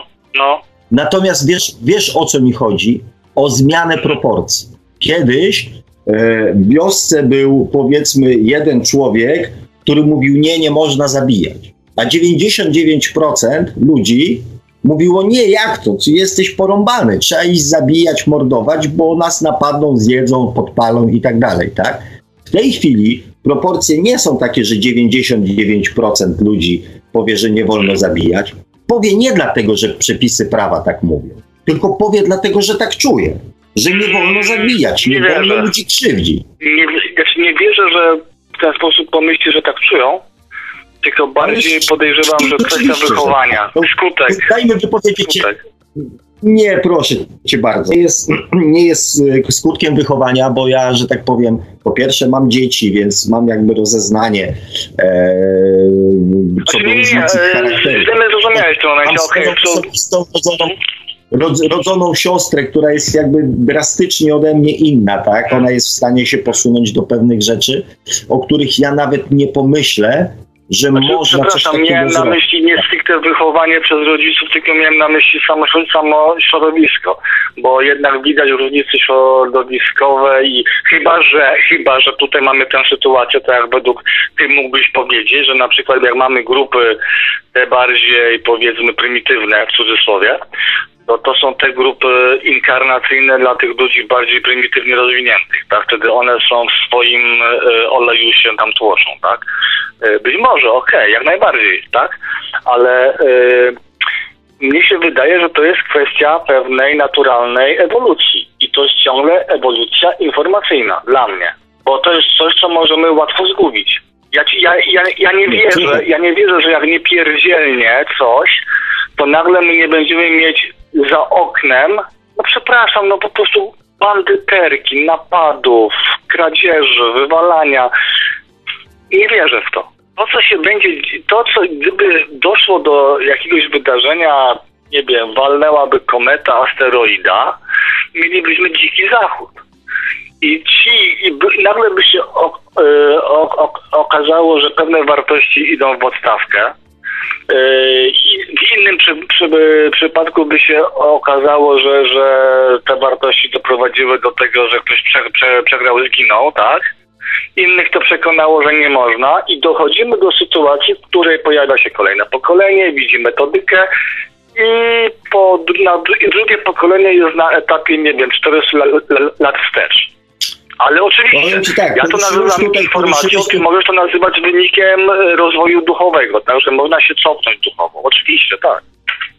To znaczy, e, ty poruszyłeś tutaj ekstremalną sytuację, w której rozmawiamy, której rozmawiamy o przetrwaniu, tak? Czyli odkładamy wszystko, zostawiając sobie tylko i wyłącznie e, jeden, jedyny aspekt, aspekt przetrwania. I tutaj faktycznie do wielu wynaturzeń może dojść. Nie mówię, że nie, ale to jest sytuacja ekstremalna e, i, i, też możemy to rozważać, bo żeby się o niej przekonać, pewnie trzeba by to było przeżyć, tak? Jak ludzie by zareagowali. Natomiast mówisz o tym, że różnimy się informacją. E, gdybyśmy, gdyby tylko informacja miała tutaj jakby znaczenie, to na tą samą informację ludzie powinni reagować tak samo, tak? Natomiast zwróć uwagę, i to świadczy o różnym poziomie świadomości, że na tą samą informację ludzie reagują różnie. Więc nie A różnimy się tak samo reagować? Róż, różnimy się, różnimy się, nie, różnimy się odbiorem tej informacji. A odbiór no. tej informacji zależy od rozwoju świadomości, od rozwoju duchowego poszczególnych jednostek. Aha. 50 czy 60 lat temu, tak, udało się zmobilizować miliony ludzi do tego, żeby się nawzajem mordowały. Czy jest to możliwe teraz? Czy po tym doświadczeniu, czy po tym wszystkim, które my jako jednostki żeśmy przeżyli, e, będąc ofiarami i będąc e, oprawcami, czy my jesteśmy w stanie znowu coś takiego z siebie wykrzesać? Ja twierdzę, że nie. Ja I to jest tak. różnica w poziomie świadomości. Ja twierdzę, że tak, że wystarczy zabrać ludziom, odciąć od internetu, odciąć do, od informacji i wtedy można ludziom mówić wszystko. W sensie mamy już swoich, którzy to robią. Zaprzegniesz do wojska bez, bez dostępu do informacji z zewnątrz, karmisz po swojemu i no i robią co, co, co chcą. Ale tak, masz rację. Będą tacy, którzy nie będą w stanie. Ale ja no nie wierzę, bo ja mam na myśli to, że bo, bo, bo problem w tym, co ty mówisz i ja mówię jest taki, że ja uważam, że mówimy o jednym, o jednym i tym samym, tylko nie potrafimy między sobą dojść do porozumienia w y, tym, co my naprawdę chcemy powiedzieć. Bo ja, ja chcę powiedzieć tyle, że kiedyś o, mhm. może okej, okay, ty to powiedziałeś, bo masz inne akurat zdanie, bo to myślę, że wyraźnie to wy, wyartykułowałeś. Ty uważasz, że kiedyś ludzie e, w rozwoju duchowym byli przy, głównie niżej w większości przypadków. Ja uważam, że kiedyś byliśmy w bardzo podobnych proporcjach co dzisiaj, tylko po prostu byliśmy bardziej, no nie wiem, mniej rozwinięci intelektualnie, ale nadal to człowiek głupi naprawdę, jeżeli weźmiemy sobie człowieka, który jest biedny, który jest ograniczony intelektualnie, który nie radzi sobie w życiu, on wie, że nie należy, za, za, nie wiem, zabijać. On wie, że co jest złe, co jest dobre. Intelekt tutaj, to właśnie jest paradoks, że my przeceniamy intelekt czasem. Intelekt nam pozwala coś obliczyć. Ale nie dojść do wniosku, że, że coś jest złe. Empatia tu jest istotna. Ja myślę, że ta empatia była zawsze. Była inna, kiedy miałeś ósemkę dzieci, a, a umierało ci pięć. Ale myślę, że też była. Znaczy na pewnym poziomie tak. Natomiast ja patrząc sobie, analizując chociażby historię na przestrzeni, historię ludzkości na przestrzeni ostatnich kilku tysięcy lat e, i przypisując do tego jakby pewne cechy przewodnie dla odpowiedniego poziomu e, świ- rozwoju świadomości, czyli na przykład e, dusze tak zwane te dziecięce, tak? Już nazywając to tak brutalnie po imieniu. Potrzebują przywódcy.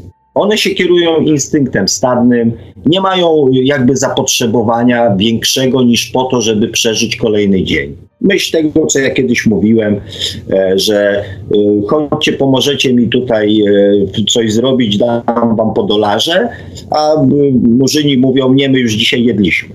Nie mamy takiej potrzeby, tak? My już dzisiaj jedliśmy, a jutro się zobaczy. I tacy ludzie, nawet w dzisiejszych czasach, nawet w Polsce, żyją z taką świadomością, tak? Czyli przeżyć Tak, kolejny tak. dzień. To są często e, ludzie, którzy balansują na granicach patologii, e, jakiegoś alkoholizmu i tak dalej, tak? Czyli oni nie mają świadomości tego, tak jak e, dziecko nie ma świadomości, mój, mój przykład z cukierkiem, tak? Masz 7 cukierków na 7 dni tygodnia, dziecko zje pierwszego dnia, a drugiego zrobi awanturę, że nie ma już cukierku. Mimo, bo nie, nie ma świadomości, że, że trzeba to jakoś podzielić, że jutro, że pojutrze też jest dzień i tak dalej. Nie ma świadomości. Tu nie ma nic wspólnego z intelektem. Nie ma świadomości. No nie ma. I teraz, Mhm.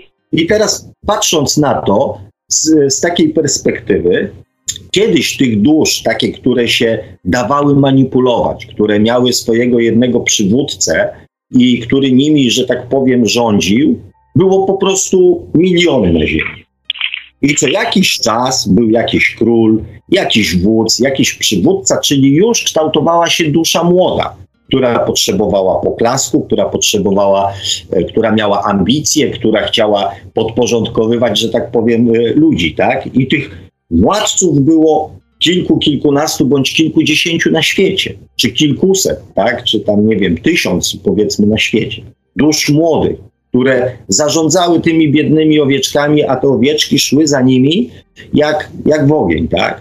Później się te proporcje zaczęły zwiększać. Tych, te dusze dziecięce zaczęły, że tak powiem, ewoluować do dusz młodych, których w tej chwili na świecie jest całe mnóstwo.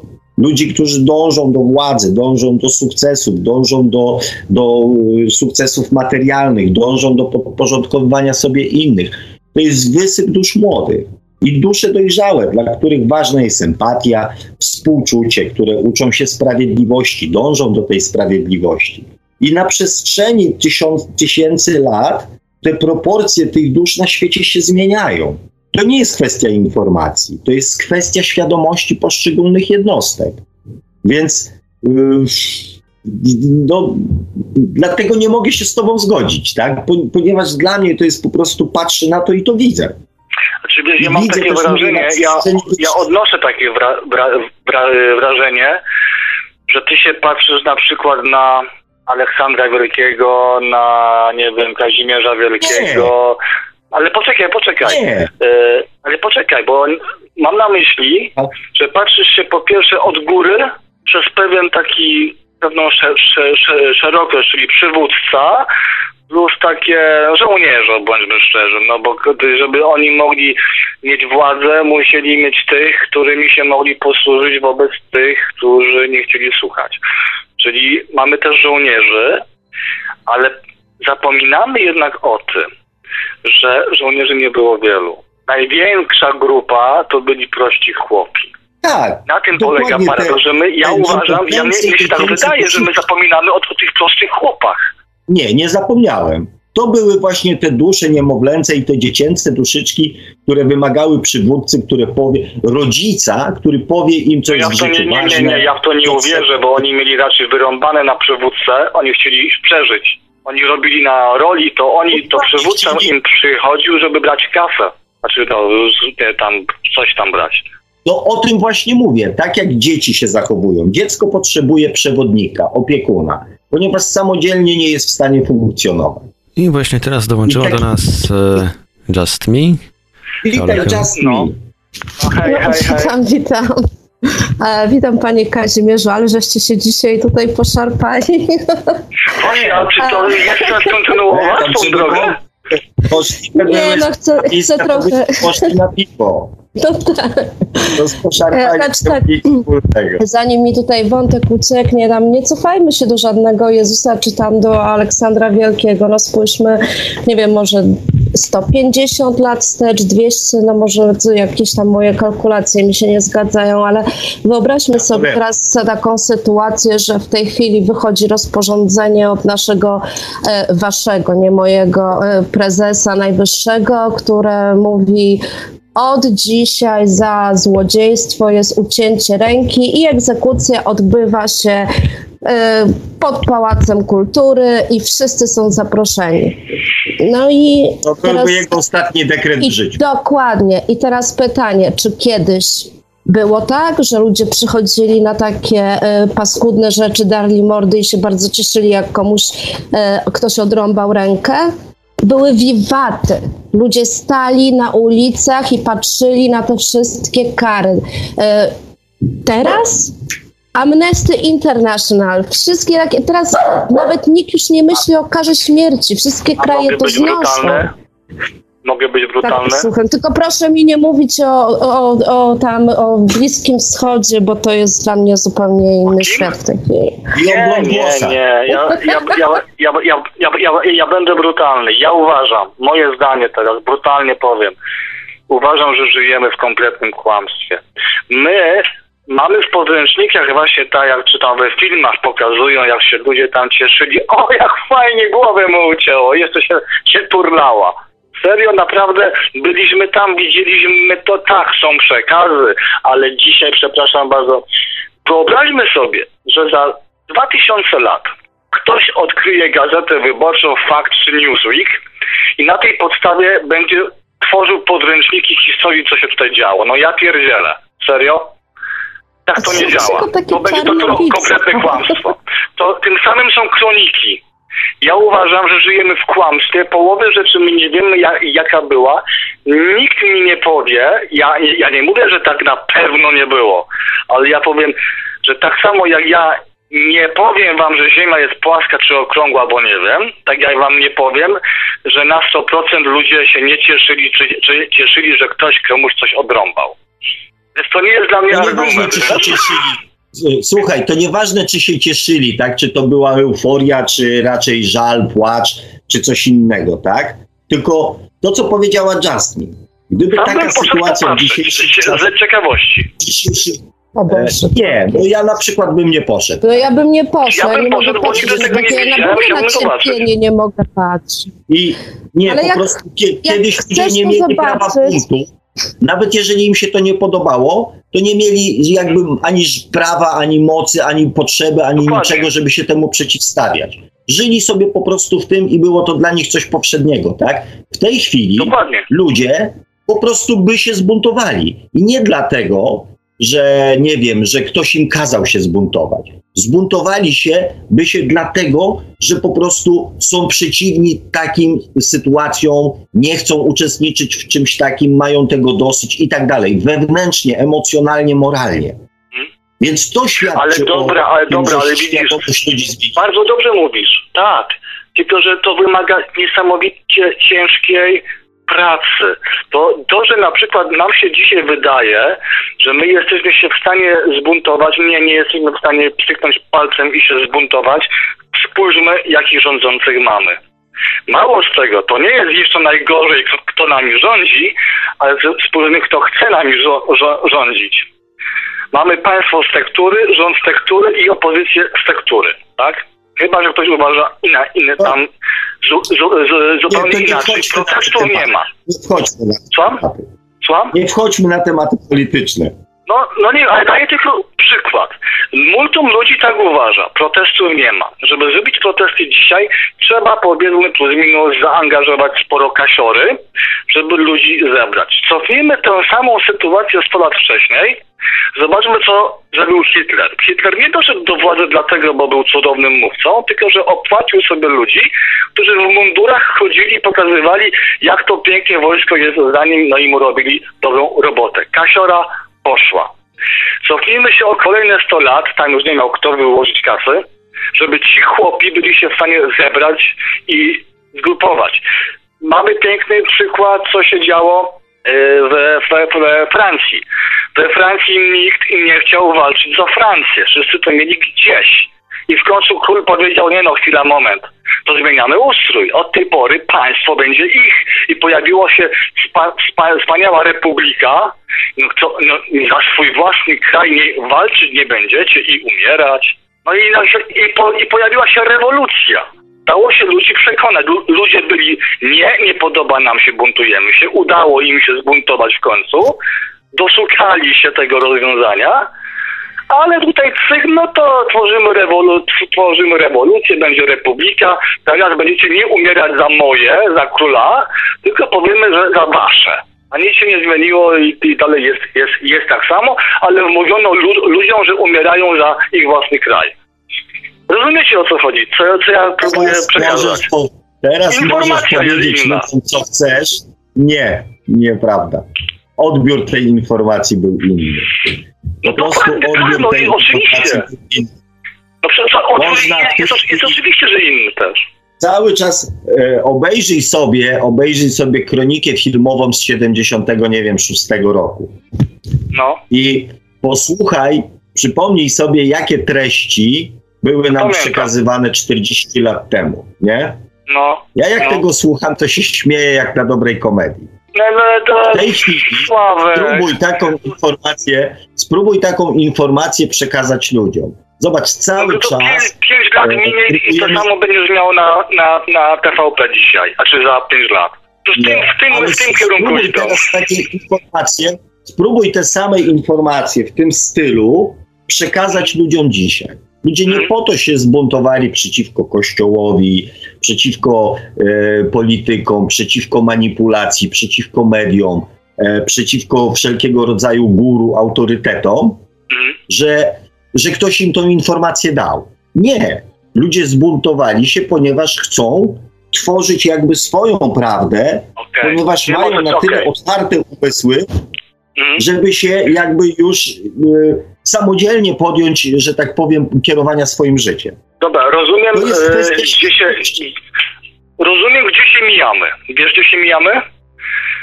Mijamy się w tym miejscu, że ja twierdzę, słuchaj, bo okej, wiem, moim zdaniem jednej mojej rzeczy nie zrozumiałeś. Mianowicie, ja chciałem powiedzieć, że informacją, bo zdefiniujmy czym ta informacja jest, bo to nie jest tak, że ktoś tym ludziom powiedział, tylko że ci ludzie mogli zacząć zarządzać informacją. Dzisiaj my jesteśmy społeczeństwem informacyjnym, zarządzamy informacją i jako, że to jest władza nasza, w naszych rękach, to mamy fake newsy, mamy, za, mamy wszystko, co jest tylko możliwe, żeby nam to uniemożliwić. Ale cofając się wstecz, ludzie nie mieli możliwości zarządzania tą informacją. To, to, że ktoś coś się wiedział, buntował się, oni musieli między sobą to jakoś przekazywać. Było to niemożliwe. To było jak za komuny, wiesz o tym. No, powiedziałeś coś do sąsiada, on doniósł i nikt nie wiedział, kto, kto komu don, do, doniesie, tak? Potem jeszcze był problem, że jedni byli pro, pro, pro, protestantami, a drudzy byli katolikami. Protestant usłyszał, to podpierdzielił do, e, do biskupa i, no i wiesz o co chodzi, tak? Myślę, że Ja myślę, Ja uważam, ja że- myślę, że ty to próbujesz jakby bardzo mentalnie, e, jakby bardzo mentalnie ogarnąć. E, I tutaj jest mnóstwo takich argumentów, wiesz, takich mentalnych, tak? Takich właśnie racjonalnych, umysłowych, tak?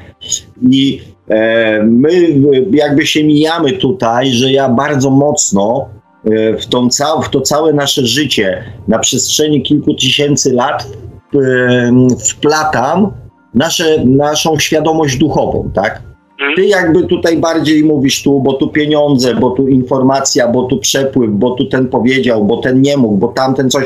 To jest wszystko takie bardzo racjonalne, bardzo takie rozumowe. I ten wątek duchowy w ogóle, wiesz, tak jakby, e, tak jakby ludzie przez ostatnie kilka tysięcy lat żyli bez duszy. Mhm. I dla mnie to jest takie y, właśnie pozbawione mm, udziału duszy w tym wszystkim. Udziału duszy, czyli udziału świadomości. Mhm. I wydaje mi się, że my się tutaj najbardziej mijamy. Dla mnie to jest jedno i to samo, Że bo ja w twoim przypadku dusza udział- doświadczałaby po prostu biernie, tak? W sensie, że jestem, chodzę, tu mnie leją, tam mi ucinają głowę, tutaj widzę takie rzeczy, doświadczam, obserwuję i w pewnym czasie zaczyna się jakiś taki rozwój, który sprawia, że mogę się zastanowić, no ale przepraszam, właśnie chodzi o to, że my dzisiaj mamy więcej czasu na to, żeby się zastanowić jednak, tak? Oczywiście dzięki in, in, in, in, in, in, intelektowi mimo wszy- wszy- wszystko, tak? Oczywiście w pewnym sensie ja oczywiście zgadzam się, że, że, że, że e, e, rozwój duchowy następuje, tak? Ale ja nie zgadzam się, że koniecznie ten rozwój duchowy musi iść czasem. W sensie, wiesz, to jak linia czasu, że kiedyś byli mniej rozwinięci, teraz są bardziej rozwinięci. E, nie wydaje mi się. Znaczy, jak, jak nam, znaczy inaczej, no myślę, że tak było, tak, ale nie w takiej skali, jak nam się to wydaje. Znaczy ja skali na przestrzeni, nie wiem, y, tysiącleci nie jestem w stanie precyzyjnie ocenić, bo, e, bo, bo nie mam takich danych, tak? Patrząc jakby globalnie na to, jak się e, zmienia świadomość ludzi, społeczeństw na przestrzeni tych tysięcy lat, ja wnioskuję, że proporcje e, dusz e, dziecięcych, młodych, e, dojrzałych i starych na przestrzeni tych tysięcy lat się zmieniły.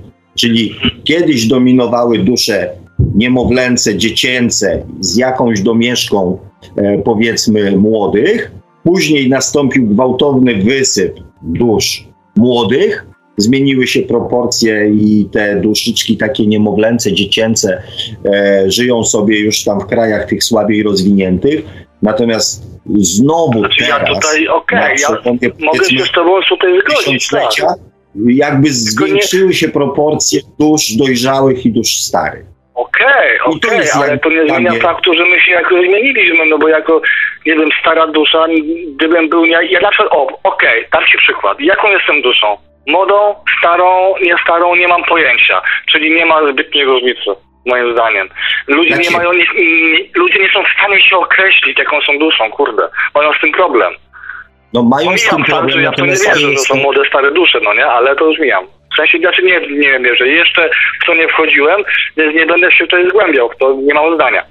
E, natomiast, e, wiesz, ludzie nie potrafią się ocenić, a skoro nie potrafisz się ocenić, większość ludzi się nie potrafi ocenić, to jednak nie ma zbyt dużej różnicy, mi się wydaje. Jest, jest. Znaczy nawet jeżeli nie jesteś w stanie się, e, że tak powiem, ocenić, ja, ja wiem to po swojej, że tak powiem, tak zwanej moralności, tak? I wiem też, znam mnóstwo ludzi, nawet chociażby, nie wiem, Justmi, która jeszcze z nami jesteś, czy już uciekłaś? Ja sobie? takie, nie, nie, jestem, jestem, słucham, kontynuuj. E, Czy tak jakby chociażby Jasmine, czy y, kilkoro tutaj słuchaczy, którzy bardzo aktywnie od początku audycji e, gdzieś e, są, są aktywni. E, dla mnie to jest e, e, z wypowiedzi wiadomo, że są to przynajmniej dusze dojrzałe. Takie, jakie masz kryteria moralne, taką jesteś duszą. To jest najprostszy, najprostszy, że tak powiem, najprostsze przełożenie. Ponieważ na pewnym zmieniają się priorytety życiowe wraz z rozwojem świadomości. E, Na początku, będąc dzieckiem, marzymy o tym, żeby być dorosłym, żeby być bogatym. Naszym idolem jest prezes, e, naszym idolem jest e, znany piłkarz, naszym idolem jest znany muzyk. Później dorastając i stając się tym prezesem, politykiem, biznesmenem, e, muzykiem e, czy znanym piłkarzem, doświadczasz tego, że mimo, że jesteś sławny, że masz wszystko, pieniądze, e, sławę, nie jesteś w dalszym ciągu szczęśliwy. I z czasem Okej. zmieniają ci się priorytety, mówisz, inne wartości mają znaczenie. To nie chodzi o to, żeby mieć kasę, żeby być sławnym, żeby mieć podporządkowanych ludzi, tylko inne rzeczy dają w życiu szczęście. I tak samo jest z rozwojem, e, z rozwojem ludzkości. Nie zgadzam Że na się. początku- A, tak inaczej. Może zróbmy tak, że skończymy ten temat, bo będziemy to ciągnąć w nie- w nieskończoność. Ja po, ostatnie moje tylko słowo powiem, że zgodzę się, że jest ta różnica, bo oczywiście jest, ale dla mnie ta różnica nie istnieje w kategoriach, że ma jakiekolwiek znaczenie. Bo patrząc dzisiaj na ludzi, mimo wszystko, cała masa ludzi mówi, że są nie wiadomo, że jak się rozwijają duchowo. Ja na przykład też się próbuję rozwijać, du- ja się próbuję rozwijać duchowo, a stara dupa jestem. Multum ludzi próbuje się rozwijać duchowo, stoimy w miejscu wszyscy. I jeżeli ja, ja, ja tak uważam, że mimo jak ja się patrzę wstecz, pięć lat do tyłu, to mnie się wydaje, że zrobiłem ogromny, wielki, nie wiem, krok nad przepaścią. Ale jak się głębiej zastanowię, to po prostu się postukam w głowę, nadal głupi jestem, nadal ten rozwój po prostu jest na bardzo niskim poziomie, nadal stoję w miejscu. Jak mnie ktoś weźmie, cofnie o 2000 lat do tyłu, żyję tak samo. W tym samym nawet ja mam świecie. Jedno pytanie do, do pana Kazimierza. Taki głupi przykład, bo tutaj pan wspomniał, że pan nie wierzy w te stare, nowe, młode i, takie. Ja w ogóle nie lubię tej klasyfikacji, natomiast wierzę, że, wierzę, wierzę że, że, że, że jakieś tam poziomy tego są. Podam krótki przykład i jeżeli pan mi to wytłumaczy jakoś tak e, fajnie, to e, no to fajnie będzie. Powiedzmy, że jest grupka dzieci. Dzieci, które nie są rodzeństwem, ale wychowują się totalnie tym samym środowisku, na tym samym jednym podwórku. E, wszyscy się znają, wszyscy mają tak praktycznie te same wartości i część z tych dzieci łapie kota i zaczyna go torturować z wielką radością. Natomiast druga część tych dzieci zaczyna krzyczeć i próbuje pomóc temu kotu, woła dorosłych. Od czego to zależy? Bo pan wspomniał, że to zależy od wychowania, od środowiska. Ja podaję przykład, gdzie środowisko jest identyczne. Okej, dobra, to ja tylko to wytłumaczę jedną rzecz. Moje, tak, tak, mi, tak mi się może wydawać, okej? Mhm. Ja, moja powiedzmy teoria, to jest tylko i wyłącznie moja teoria, więc tak strzelam, bo wy mówicie tak, że jest pewien punkt, w którym pojawia się dusza, jest dziecięca, potem tup, tup, tup, tup, coś się zmienia, tup, tup, coś się zmienia, dojrzewa, dojrzewa, dojrzewa. Ja uważam, że źródłem właśnie ta mądrość, kumulacja mądrości. Przykro mi, ale ja tak uważam w tej chwili. Ja mogę być kompletnie w błędzie, ja to po prostu analizuję. Mnie się wydaje, że to jest tak, jak tu przychodzimy, e, pracujemy nad czymś. To powoduje, że mamy pewne doświadczenie, przenosimy na następne wcielenie. Potem następuje znowu kolejne wcie- wcielenie, kolejne wcielenie, ale problem polega na tym, że są pewne rzeczy, które przestały być rozwijane, więc się cofają Nie, nie mogą się się cofać. zapominamy. Więc ja, nie, ja dla, dla, dlatego ja mówię, że nie wiem, czy to rzeczywiście jest punkt, w którym pojawia się dusza, ona dojrzewa, bo wtedy yy, jest yy, kwestia, że musi być dusza w tym momencie bardzo stara i coś się będzie musiało nią stać. Yy, i, ale to też jest ciekawy temat, bo rzeczywiście może się stać. Bo jeżeli yy, zwrócimy uwagę na to, że pi- pierwszym prawem całego wszechświata jest wszędzie istniejąca zasada fraktali, mimo wszystko, czy to nam się podoba, czy nie. Mamy atom, mamy słońce, mamy galaktykę, wszystko działa dokładnie tak samo, to jest fraktal. I to możemy przenosić na wiele płaszczyzn. Skoro mamy człowieka, który ma początek, rodzi się, potem umiera, przenosimy dalej na duszę, kiedy jest młoda, jest stara, więc też może umierać, ale to też znaczy, że fraktal nie ma końca, czyli znowu jest coś po, poza duszą, pytanie co, że wtedy jak ta dusza umiera, to z kim się wtedy stajemy, czy dostajemy nową duszę i od nowa, to nie wiem, yy, zaczynamy pracę nad czymś. Nie wiem, to pytanie do To Sławka, jest tak? Nie wiem. jakaś prze, ale- przedziwna koncepcja. Ja to w ogóle jakaś umierająca dusza, to jest przedziwna koncepcja. To jest taka No, bardzo jeżeli, jeżeli uwzględniamy, że wszystko, co nas otacza, mhm. ja uwzględniam Tak, to, że wszystko, co nas otacza, ma przełożenie dalej, czyli wszystkie zasady są przekładalne. No ale pan uważa, że jest początek i jest koniec. Jeżeli, jeżeli jest początek i koniec, to też możemy dochodzić do tego, co ja mówię, czyli w pewnym, bo wychodzi na to, że dusza jest, nie, że dusza w pewnym sensie nieśmiertelna, czyli że my jesteśmy nieśmiertelni. Nawet jeżeli jest początek tej duszy, to potem jak umieramy, jak ta dusza umiera, to się pojawia coś od nowa, tak? Czyli istnieje coś innego poza duszą. Znowu, głębiej we fraktal. Ale mówię, nie wiem, nie mam zielonego pojęcia. Nie za, ja nie mówię jak jest, ja nie, ja nie podważam w ża- w żaden sposób, żeby bzdury wygadujecie, mówiąc o tym, że jest młoda dusza, jest stara dusza, ale jeżeli jest młoda i stara, to może wy mi wytłumaczycie, jak wy myślicie, co się dzieje z duszą, kiedy będzie bardzo stara. Znika, przestaje istnieć, umiera, Nie, cały czas jak się istnieje. rodzi z innej duszy. Bo tego nie wiem na przykład. Ale to są takie pytania.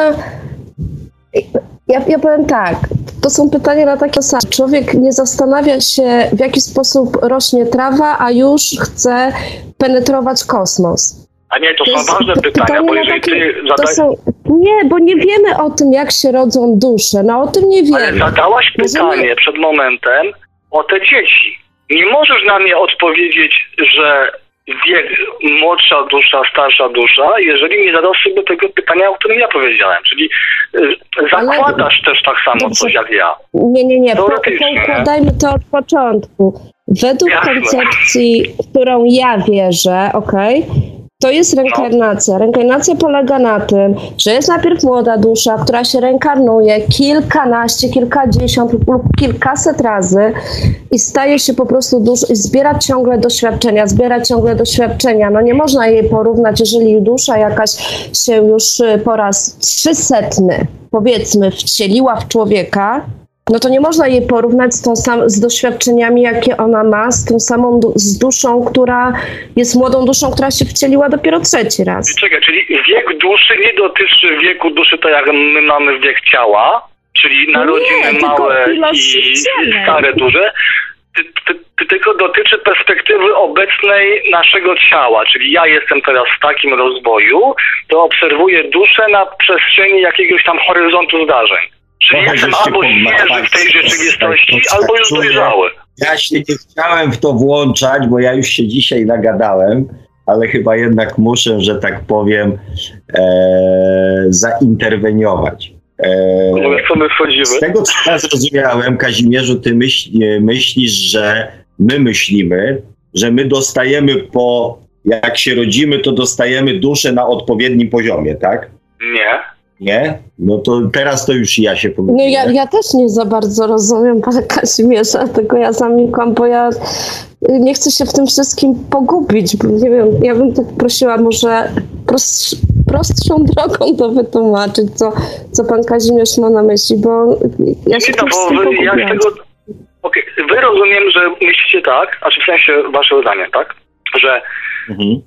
dusza się rozwija i wy jesteście na pewnym etapie, z którego obserwujecie rozwój duszy i w waszej ocenie jest młodszy albo starszy, ale jak wasz rozwój, czy później wasz rozwój jest na, na skali 10, tak? Znaczy na, w punkcie 10, to wy obserwujecie, że 7 to było młode, a 12 to już będzie stare, tak? Potem jak się przeniesiecie na 20, to będziecie ob- obserwować 16 i 24, przykład daję, no nie? Rozumiemy się? Nie, nie. Nie, to jest w ogóle co innego. To jest w ogóle jakaś nie, nieznana mi jakaś ezoteryczna koncepcja. W ogóle nie. W sensie, że obserwujecie swój rozwój względem, czyli młode, stare względem siebie. Teraz. Nie, nie, względem e, młode, stare to jest umowne, tak? Just mi powiedziała, że tego nie lubi, ja też nie, ale jak na razie nie ma lepszego pomysłu, żeby e, tą, jakby to zróżnicowanie pokazać, tak? E, I No. dlatego ta ziemska taka nomenklatura w nazywaniu e, tych, e, tych jakby poziomów jest taka najbardziej zrozumiała dla ludzi, dlatego tym się e, większość ludzi, którzy tą tematykę poruszają, tym się posługuje, tak? Odnosząc wiek duszy tak jakby do, mm, do wieku dziecka, tak? Czyli niemowlęca, dziecięca, e, młoda, dojrzała, stara, tak? To No. jakby tutaj co do tego mamy jasne. Jedno mnie zastanawia, do czego my dążymy w, tym, w, tej, w, tej, w tej audycji, bo już się pogubiła. No, jakby dyskusja ma to, do siebie, ma to do siebie, że ewoluuje na podstawie, że tak powiem, pojawiających się tematów. E, jakby to cały czas do rozmowy o świadomości, moim zdaniem, tak? Zresztą ni- nigdy nie mamy pewności, co z naszej rozmowy e, jakby wyciągną dla siebie pozostali słuchacze, więc określenie celu tej, e, tej rozmowy jest naprawdę bardzo trudne. E, Tak. Natomiast jest bardzo interesujące, przynajmniej mi się Na tak wydaje. przynajmniej wyszliśmy od koronawirusa i ludzie mogą odpocząć. Przynajmniej na chwilę, tak. Natomiast widzę, widzę że tutaj e, ten temat, e, bo już e, o nieśmiertelności, czy tam o e, jakichś tam innych rzeczach duszy, już też żeśmy prowadzili audycję i to pewnie kilka, e, bo to też był taki temat, który budził dość dużo emocji. E, więc myślę, że też może czas sobie przypomnieć, tak, jak to jest z tymi tak zwanymi poziomami rozwoju duszy. Poziomami rozwoju duszy, bo to jest właśnie błędne określenie, które myślę, że nas sprowadza tutaj też na manowce, tak? Poziom rozwoju duszy to nie jest nic innego jak poziom rozwoju nas. Więc nie próbujmy tego jakby oddzielać, bo znowu zejdziemy na jakieś, e, na jakieś tam nieporozumienia, nie? Natomiast myślę, że powinniście sobie wrócić i wyjaśnić jeszcze, moi drodzy, to, czego sobie nie wyjaśniliście, e, a ja w takim, a ja kiedyś tam znowu wrócę do tematu e, tego, który tutaj dzisiaj został niewyjaśniony. Natomiast e, nie wiem, czy wyjaśniliście już sobie, jak to ten problem z tymi dziećmi rozwiązać, czy nie? Znaczy ja nie próbowałem nawet rozwiązywać tego pro- problemu, bo mówię, to jest poza... Każda Nie, teza, teoria to jest o to, poza, żebyś wiesz... jak ty to widzisz, tak? Z czego ta różnica może wynikać? Że niby te same dzieci, a różne reakcje. No. No i ja, ja przynajmniej ja takiej wyraźnej odpowiedzi na to pytanie nie usłyszałem, a myślę, że Justin chciała e, też tą odpowiedź na to pytanie usłyszeć. Znaczy, jakby, jakbym Eee. usłyszała to, co myśli pan Kazimierz na ten temat, to bardziej by mi się poukładało w głowie e, Okej. w ogóle no. koncepcja pana Kazimierza. Znaczy, ja, ja nie mam żadnej koncepcji, żeby była jasność, ale mnie się wydaje, pro, prosty, ja to wytłumaczę w najprostszy sposób. No, jak mnie się może to wydawać. Jeżeli byśmy założyli, że każda tam właściwość człowieka, czyli empatia, coś tam innego, innego, to jest jeden zbiornik i tych zbiorników mamy 100, to na każdym, nad każdym z tych zbiorników musimy pracować, ale nie możemy jednocześnie, więc część tych zbiorników mm, po prostu się de- deawoluje, cofa, a część jest rozwijana. I być może po prostu, nie wiem, w tym kierunku, czyli że pewne zdolności i tak z czasem no, nas słabną, pewne, nad, nad pewnymi pracujemy, są mocniejsze. Nie wiem, naprawdę. Ja, ja, ja słucham, ja słucham, znaczy, ja się cieszę, że dzisiaj mogę kompletnie wszystko odwrócić do góry nogami, bo do tej pory zawsze się zgadzałem z panem Sławkiem. I w zasadzie ktoś by sobie mógł, ktoś mógł się zastanowić, to y, mamy dwóch gości. No nam słuchacza urwało, niestety. Właśnie tak, Kazimierza. też mi się wydawało, że chyba w pół, w pół zdania, że tak powiem, nas opuścił. Ehm, a szkoda, bo też się ciekawy wątek zaczął pojawiać różnicy zdań. Ehm, A tymczasem dodzwonił się do nas inny słuchacz o wielce skomplikowanym niku na Skype Live, coś tam, coś tam. Zapraszamy do dołączenia. Dzień dobry, dzień dobry. Witamy. Dzień dobry. Jak Państwa słucham, to tak zauważyłem, że nie zauważyliście jednej rzeczy takiej. Bo tu jest mowa o tym, jak tam w historii różne rzeczy się tam działy, że tam był niby ten Jezus, Mahomet i tak dalej, Aleksander Wielki. A ja taką rzecz zauważyłem.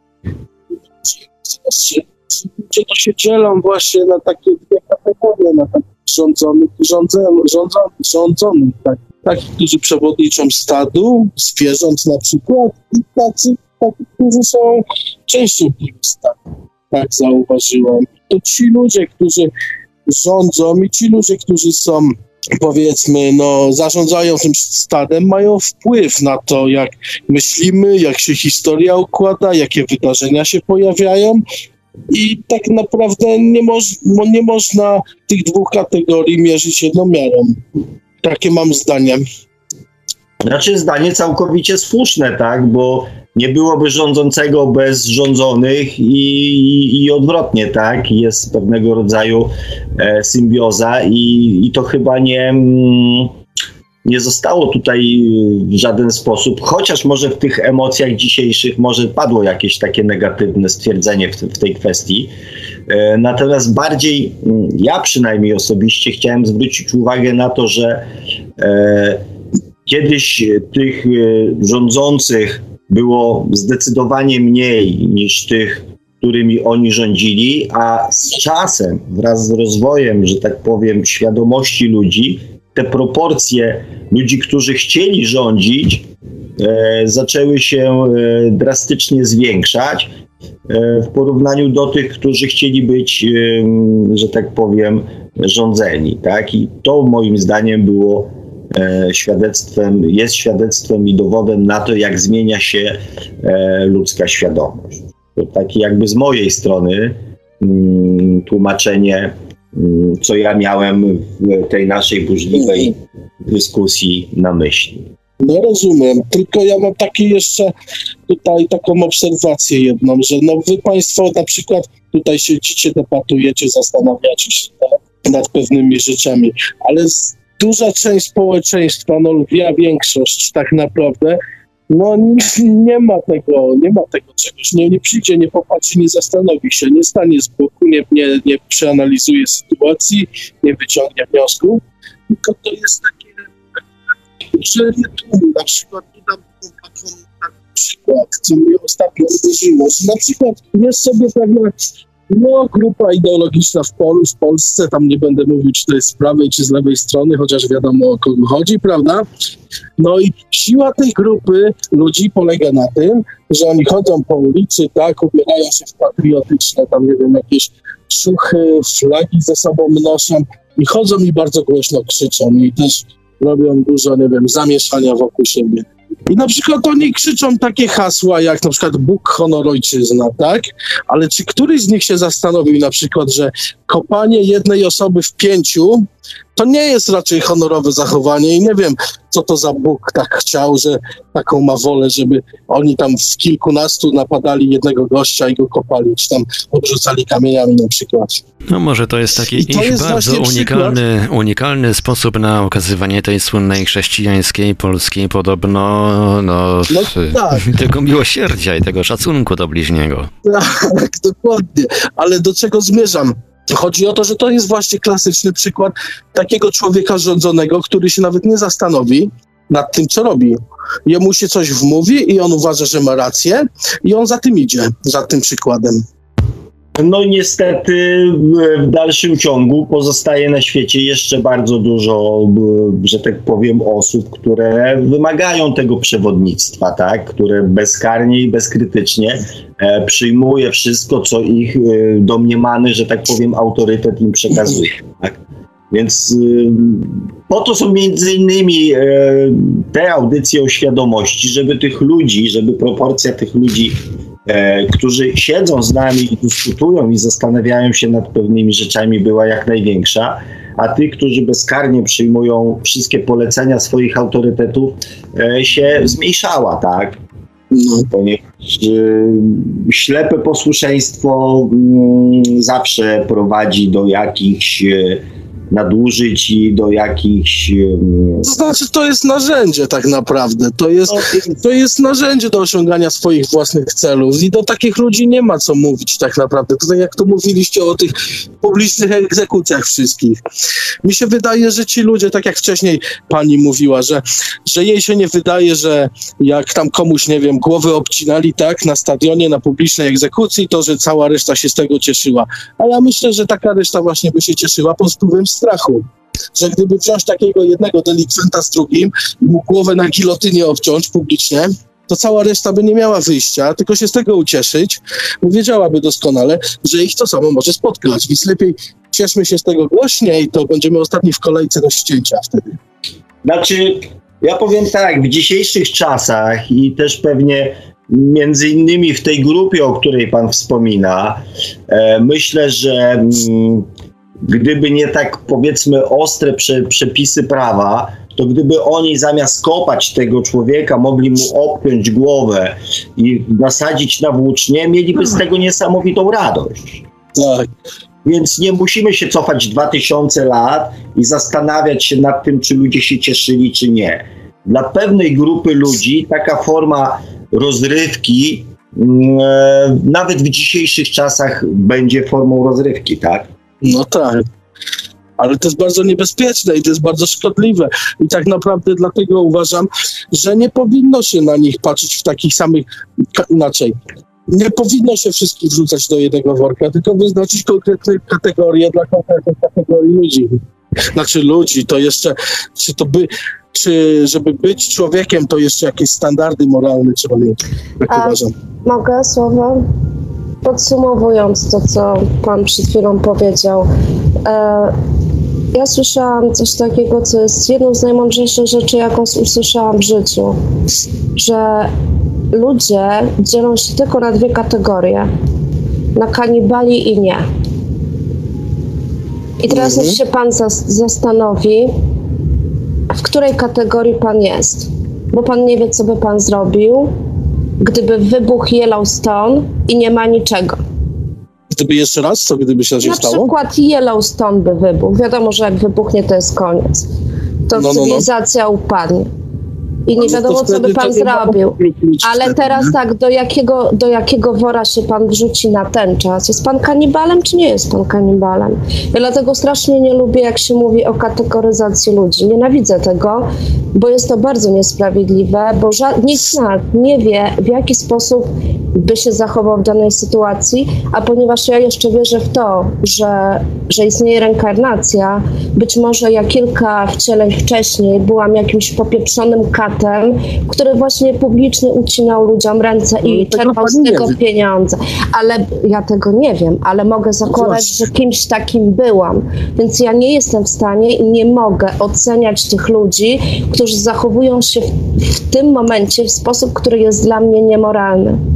Ja strasznie nie lubię tego kategoryzowania i ich trzeba wrzucić do tego wora, tych wrzucić do tego wora, w ogóle, nie wiem, posegregować Nie, ludzi nie to, na lepszych, nie da im zmienić. Im się nie da wytłumaczyć, dlatego że oni pójdą za tym, co mają wbite w głowę i do nich się nie da przemówić. Dobra, jeżeli by, To nie wiem, nieprawda. Ludziom da się przemówić. powiedział, żeby się uciszyli, uspokoili, to może by to wtedy zadziałało. Gdyby na nich ich własny autorytet.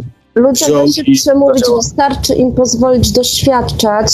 Może doświadczą czegoś okropnego i po prostu to ich w życiu zmieni w jakiś sposób. Trzeba Mhm. No może doświadczenie uciętej głowy na publicznej egzekucji będzie doskonałym bodźcem do tego, żeby się zmienili jednak.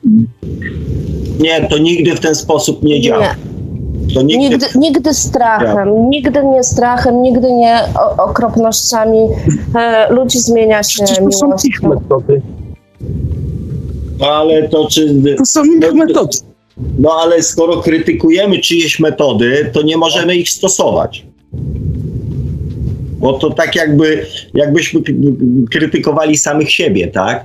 No jakbyśmy pożar gasili benzyną, to jest dokładnie na tej zasadzie. No, ale w końcu się tlen, tlen się w końcu skończy i pożar zgaśnie. Ale to wtedy nie będzie niczego. E, dlaczego? Jeżeli, nie, jeżeli zmie, nie, jeżeli, e, bo teraz jest pytanie, do czego my chcemy, do, do czego my dążymy, tak? Jeżeli dążymy e, do ukarania, no to, to, to może faktycznie jest to metoda, tak? Natomiast czy my mamy prawo karać? E, Natomiast jeżeli chcemy coś zmienić, to powinniśmy zastosować takie metody, które będą skuteczne e, w celu dokonania tej zmiany, tak? No Teraz to wtedy trzeba przejąć władzę w kraju i zmienić czy, prawo. re, nie, czy reagując agresją na agresję, Nie, nie agresją. osiągniemy, osiągniemy skutek e, zmiany drugiego człowieka. A nie, no niekoniecznie. Dlaczego agresją? To nie musi być agresywne przecież wcale. Nie, no rozmawiamy tutaj o, że tak powiem, gaszeniu pożaru ogniem yy, i unicestwieniu, że tak powiem, wszystkiego, tak? Czy tam, nie wiem, Nie, nie, to przecież nie ma sensu żadnego. To też, no nie, no, właśnie, ja nie popieram takich metod. Jest. no Po właśnie. prostu to- chodzi o to, że no państwo, państwo się staracie, tak? Coś tam dostrzec, rozwinąć się duchowo, prawda? Jakiś tam, nie wiem, może wyższy stopień nawet osiągnąć, ale są ludzie, którzy mają to gdzieś. I oni nie myślą w taki sposób. Dla, dla nich państwo jesteście tymi słabymi, których należy w ziemię. Nie, ja tak się nie no, odbieram. Ja tak nie odbieram, natomiast zawsze powtarzam jedną rzecz, że każdy z nas, e, dochodząc do tego momentu, w którym jest w tej chwili, przeszedł również przez taki, przez te etapy, e, na których są powiedzmy ludzie, których teraz e, pan krytykuje, czy tam próbuje w jakiś sposób ocenić, tak? Czyli my do swojego jakby momentu nauki doszliśmy inaczej. Żeby być dorosłym, trzeba byłoby być kiedyś dzieckiem, tak? Popełniać No tak, błędy, robić, głupie, robić, robić głupie rzeczy, po to, żeby zdobyć doświadczenie, co wolno, czego nie wolno. Trzeba się było sparzyć, trzeba się było nauczyć, tak? Nikt się nie rodzi od razu dorosłym, nikt się nie rodzi od razu mądrym, nikt się nie rodzi świadomym i nikt się nie rodzi e, od razu, że tak powiem, e, wszechwiedzącym, tak? Więc y, zapominamy często o tym, że my y, przez ten sam proces przechodziliśmy, tak? Więc y, nie zabraniajmy ludziom. Ja nie mówię, żeby popierać takie metody. Ja nie mówię, żeby ich hołubić, żeby im dawać nagrody, tak? Natomiast y, no, nie, nie zapominajmy o tym, że każdy ma tam jakby swój własny e, tryb nauki, e, sposób nauki, tak? I każdy gdzieś tam na tej drodze jest w swoim własnym miejscu. No tak, tylko to też od poziomu inteligencji zależy. I niestety ludzie z niskim ilorazem inteligencji się nigdy nie nauczą. Inteligencji nie nauczą. No nie, nie, nie, nie. Były Powiem tak, takie, takie badania przy, przeprowadzone. To robiło. na, to były badania robione przez. Znaczy inaczej, na, one były robione na, na zlecenie CIA przez jakiś tam uniwersytet w latach 80. 20 milionów dolarów na to poszło. Chodziło o to, żeby zedukować przestępczość w kraju poprzez zatrudnienie ludzi. No i szukali właśnie, znaczy inaczej, doszli do tego, że dużo tych nielegalnych imigrantów ma za słabe IQ, ma za nis, jest po prostu no, a no ich poziom intelektualny odbiegał od, od średniego i byli mało przydatni w społeczeństwie i dlatego wchodzili na drogę przestępczą, bo to było jedyne ich jedynym źródłem utrzymania, prawda? Robienie rzeczy nielegalnych, na przykład jakieś kradzieże, nie wiem, handel narkotykami, takie rzeczy. No, no i Amer- Ameryka w pewnym momencie chciała im pomóc, znaleźć im przydatne miejsce w społeczeństwie. Wydali 20 milionów dolarów na badania i się okazało, że do pewn- pewnych, pewnych ludzi się po prostu nie da zreformować. Po prostu da. jest prawda. No ale to też nie do końca jest tak. Panowie, chwilę, proszę was. E, ja po prostu z tym pomiarem IQ nie jestem w stanie wytrzymać. To mnie strasznie irytuje, bo zapewne każdy z nas jest, każdy z słuchaczy i pan Marek kiedyś sięgnął po taki test IQ. No. I w tym teście IQ nagle są jakieś, nie wiem, ciągi matematyczne, jakieś inne rzeczy. Co to ma, co to ma do prawdziwej, wrodzonej inteligencji? To Za- pomaga zaraz, rozwiązywać bo-. Zaraz, i zaraz. patrzcie, Okazuje się, że. Dobrze, ale okazuje się, że dzieci e, z mm, syndromem Downa, one mają bardzo niskie IQ. Bardzo niskie, bardzo niskie, bo ja oglądałam o tym program i widziałam te badania. Natomiast one mają najwyższy poziom em empatii. Ja znam takich dzieci od groma i naprawdę, gdybym chciała z kimś iść na bezludną wyspę, to bym sobie wzięła gromadkę dzieci y, z syndromem Downa. Bo taką empatię, tyle miłości i radości, ile one mają, to naprawdę ci ludzie, którzy mają 180 czy 500 IQ, naprawdę mogą im pozazdrościć. To ja nie, to ja znam inną historię. U mnie był sąsiad z zespołem Downa, no i bił wszystkich na przykład. Nikogo nie lubił. Słuchajcie, Kochani, bo my tutaj, e, że tak powiem, zaczynamy ja, wchodzić ja w jakieś... w e, szkole miałem kolegę, który miał dużo wyższe IQ niż przeciętna klasowa, niż średnia klasowa i też wszystkich bił. No, A ja z kolei, No e, ja- z, tego, co, z tego co pamiętam, kiedyś ten kilka razy te testy przechodziłem i zawsze wychodziło, że mam poniżej średniej. Niemożliwe. Nie Niemożliwe. No możliwe. mam to w papierach nawet. O, masz. No to ja No, ale, nic to nie jest też kwe- ale to też jest kwestia zmienna. To nie jest tak, że człowiek dostaje jeden wynik i to jest taki na całe życie. Tylko wiadomo, że intelektualnie, tak jak i duchowo, zawsze się można rozwijać. Ale ja nie będę mówił o swoim poziomie, bo. Po, po co? E, ale od razu mówię, nikogo nie biłem. E, natomiast słuchajcie, my próbujemy tutaj e, jakby dwie różne, dwie różne rzeczy ze sobą połączyć, tak? E, poziom, poziom rozwoju, nie wiem, świadomości, poziom rozwoju duchowego z poziomem IQ. Myślę, że CIA robiąc te badania takiego aspektu jak rozwój świadomości, raczej w swoich badaniach nie brało pod uwagę. E, więc e, kierując się samym tylko poziomem e, inteligencji, czy tam, czy tam wynikiem IQ, no to myślę, że nie ogarniemy całej sytuacji w sposób obiektywny, tak? Bo przecież na, ludzką, na ludzkie zachowania wpływa jeszcze dużo więcej czynników niż tylko sam poziom inteligencji. E, jak choćby to, o czym doskonale wiemy, podświadomość, czyli to, co wynosimy z domu. E, do tego wszystkiego dokłada się jeszcze właśnie poziom świadomości, czyli poz- poziom rozwoju e, duchowego, tak? I to dopiero daje jakiś tam obraz, obraz człowieka. Natomiast ja się całkowicie zgadzam z tym, że, że dzieci z, em, z syndromem Downa posiadają bardzo e, duży, e, dużą dozę, że tak powiem, empatii. Może, może to też jest jakaś podpowiedź dla nas, tak? Może trzeba tą inteligencję wyłączyć, a bardziej skoncentrować się na emocjonalności. E, i, I tyle, tak? Dobra, kochani, bo ja już widzę, że to 11 prawie wybije u was i tam Jubi pewnie już nóżkami przebiera. To ja, ja się pożegnam, dziękuję serdecznie. Ja, ja nie wiem, jak nasz słuchacz, który jest z No. nami na linii. Jak pan się Tak, nazywa?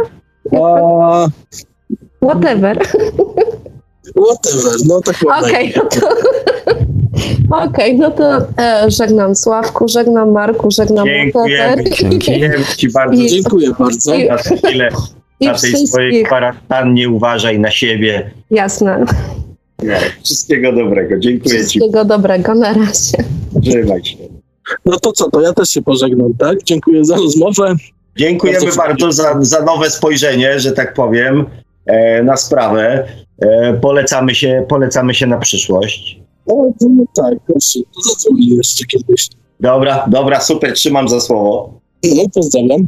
Dzięki, pozdrawiam również. Pozdrawiamy również. No to nam dzisiaj słuchacze zrobili audycję, panie Sławku, no i można powiedzieć w, w porę się porozłączali, bo tutaj już Jubi z gościem czeka. Tak, no to słuchajcie, kochani, tutaj oczywiście miliard e, komentarzy, e, których, e, których ja nie zdążę już dzisiaj mm, przeczytać, ale jest tego naprawdę mnóstwo, aż mi jest, że tak powiem, e, aż mi jest przykro. Ja stanąłem gdzieś tak na 8.20 z tego co widzę, e, a mamy godzinę 22.55 i posypało tutaj mm, e, I jeszcze komentarzami. I jeszcze sypie, tak? I widzę też nowe osoby tutaj w naszej, w naszej dyskusji, nowych słuchaczy, nowe osoby. Bardzo mnie to cieszy. E, kochani, nie. Mm, o, ale tutaj siedzą po niektórzy, chwalą swoimi poziomami IQ. E, kochani, mamy godzinę 22.56. E,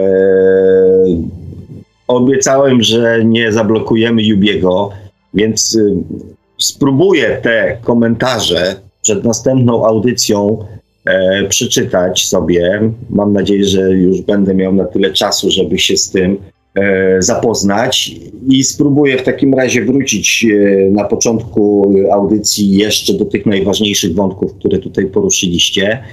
E, było dzisiaj o wszystkim, co mnie bardzo cieszy, więc mam nadzieję też, że mm, następna audycja już nie będzie o koronawirusie, chociaż jak widać to do niczego nas nie zobowiązuje, bo no możemy porozmawiać sobie o wszystkim, e, na co tylko macie ochotę. Dziękuję Wam bardzo za telefony, za dyskusje, za emocje e, i też mam nadzieję, że dla Was e, mnóstwo fajnych, ciekawych i przydatnych dla Was informacji. Żegnam się z Wami bardzo cieplutko. Pamiętajcie o odpowiedzialności, pamiętajcie o empatii i pamiętajcie o zdrowiu swoim oraz swoich najbliższych, czego Wam z całego serca e, życzę i najgodniejszym i najpopularniejszym e, życzeniem e, ostatnich dni życzę Wam odporności i pożegnam się z Wami bardzo serdecznie. Do usłyszenia za tydzień. Jeszcze raz dziękuję, dziękuję Panie Marku, dziękuję Wam kochani za to, że byliście dzisiaj razem z nami. Trzymajcie się do następnego tygodnia. Pa, pa. A ja e, pozwolę sobie zakończyć ten odcinek audycji Świat oczami duszy takim e, hasłem, które od niedawna towarzyszy Radiu Paranormalium, szczególnie na Facebooku, ale od niedawna również zagościło, dosłownie od parę dni temu pojawiło się w naszym logo na naszej stronie internetowej Zostań w domu i posłuchaj. Radia Paranormalium oczywiście. A mówił do Państwa przed chwilą gospodarz audycji Świat oczami duszy, pan Sławek Bączkowski, tradycyjnie zachęcamy oczywiście do mm, poświęcenia trochę tego czasu w kwarantannie. Niektórzy są e, tego czasu spędzonego w domu, którego teraz wielu z Państwa zapewne będzie miało dużo, dużo więcej w związku z wiadomą sytuacją. Warto ten czas poświęcić na sięgnięcie po książkę pana Sławka Bączkowskiego, czy można szukać przeznaczenia, czyli po co człowiekowi duszę. Nie trzeba do tego celu specjalnie narażać zdrowia kuriera, e, bo książka jest dostępna nie, nie, tylko w wersji papierowej, ale również elektronicznej. Zachęcamy także do polubienia fanpage'a pana Sławka na Facebooku, no i do zasubskrybowania kanału na YouTube, który nazywa się dla odmiany tak samo jak nasza audycja Świat oczami duszy. No i cóż, dzisiaj już kończymy ten odcinek. Radio Paranormalium, Paranormalny Głos w Twoim domu. Dziękujemy za uwagę, dobranoc, do usłyszenia, no i oczywiście do usłyszenia ponownie już za tydzień o 20 w poniedziałek na antenie Radia Paranormalium, oczywiście na żywo, no i mamy nadzieję również z bardzo aktywnym telefoniczno-skypowym udziałem Państwa właśnie. Dziękujemy za uwagę jeszcze raz i do usłyszenia. No i trzymajcie się zdrowo, rzecz jasna. Produkcja i realizacja Radio Paranormalium www.paranormalium.pl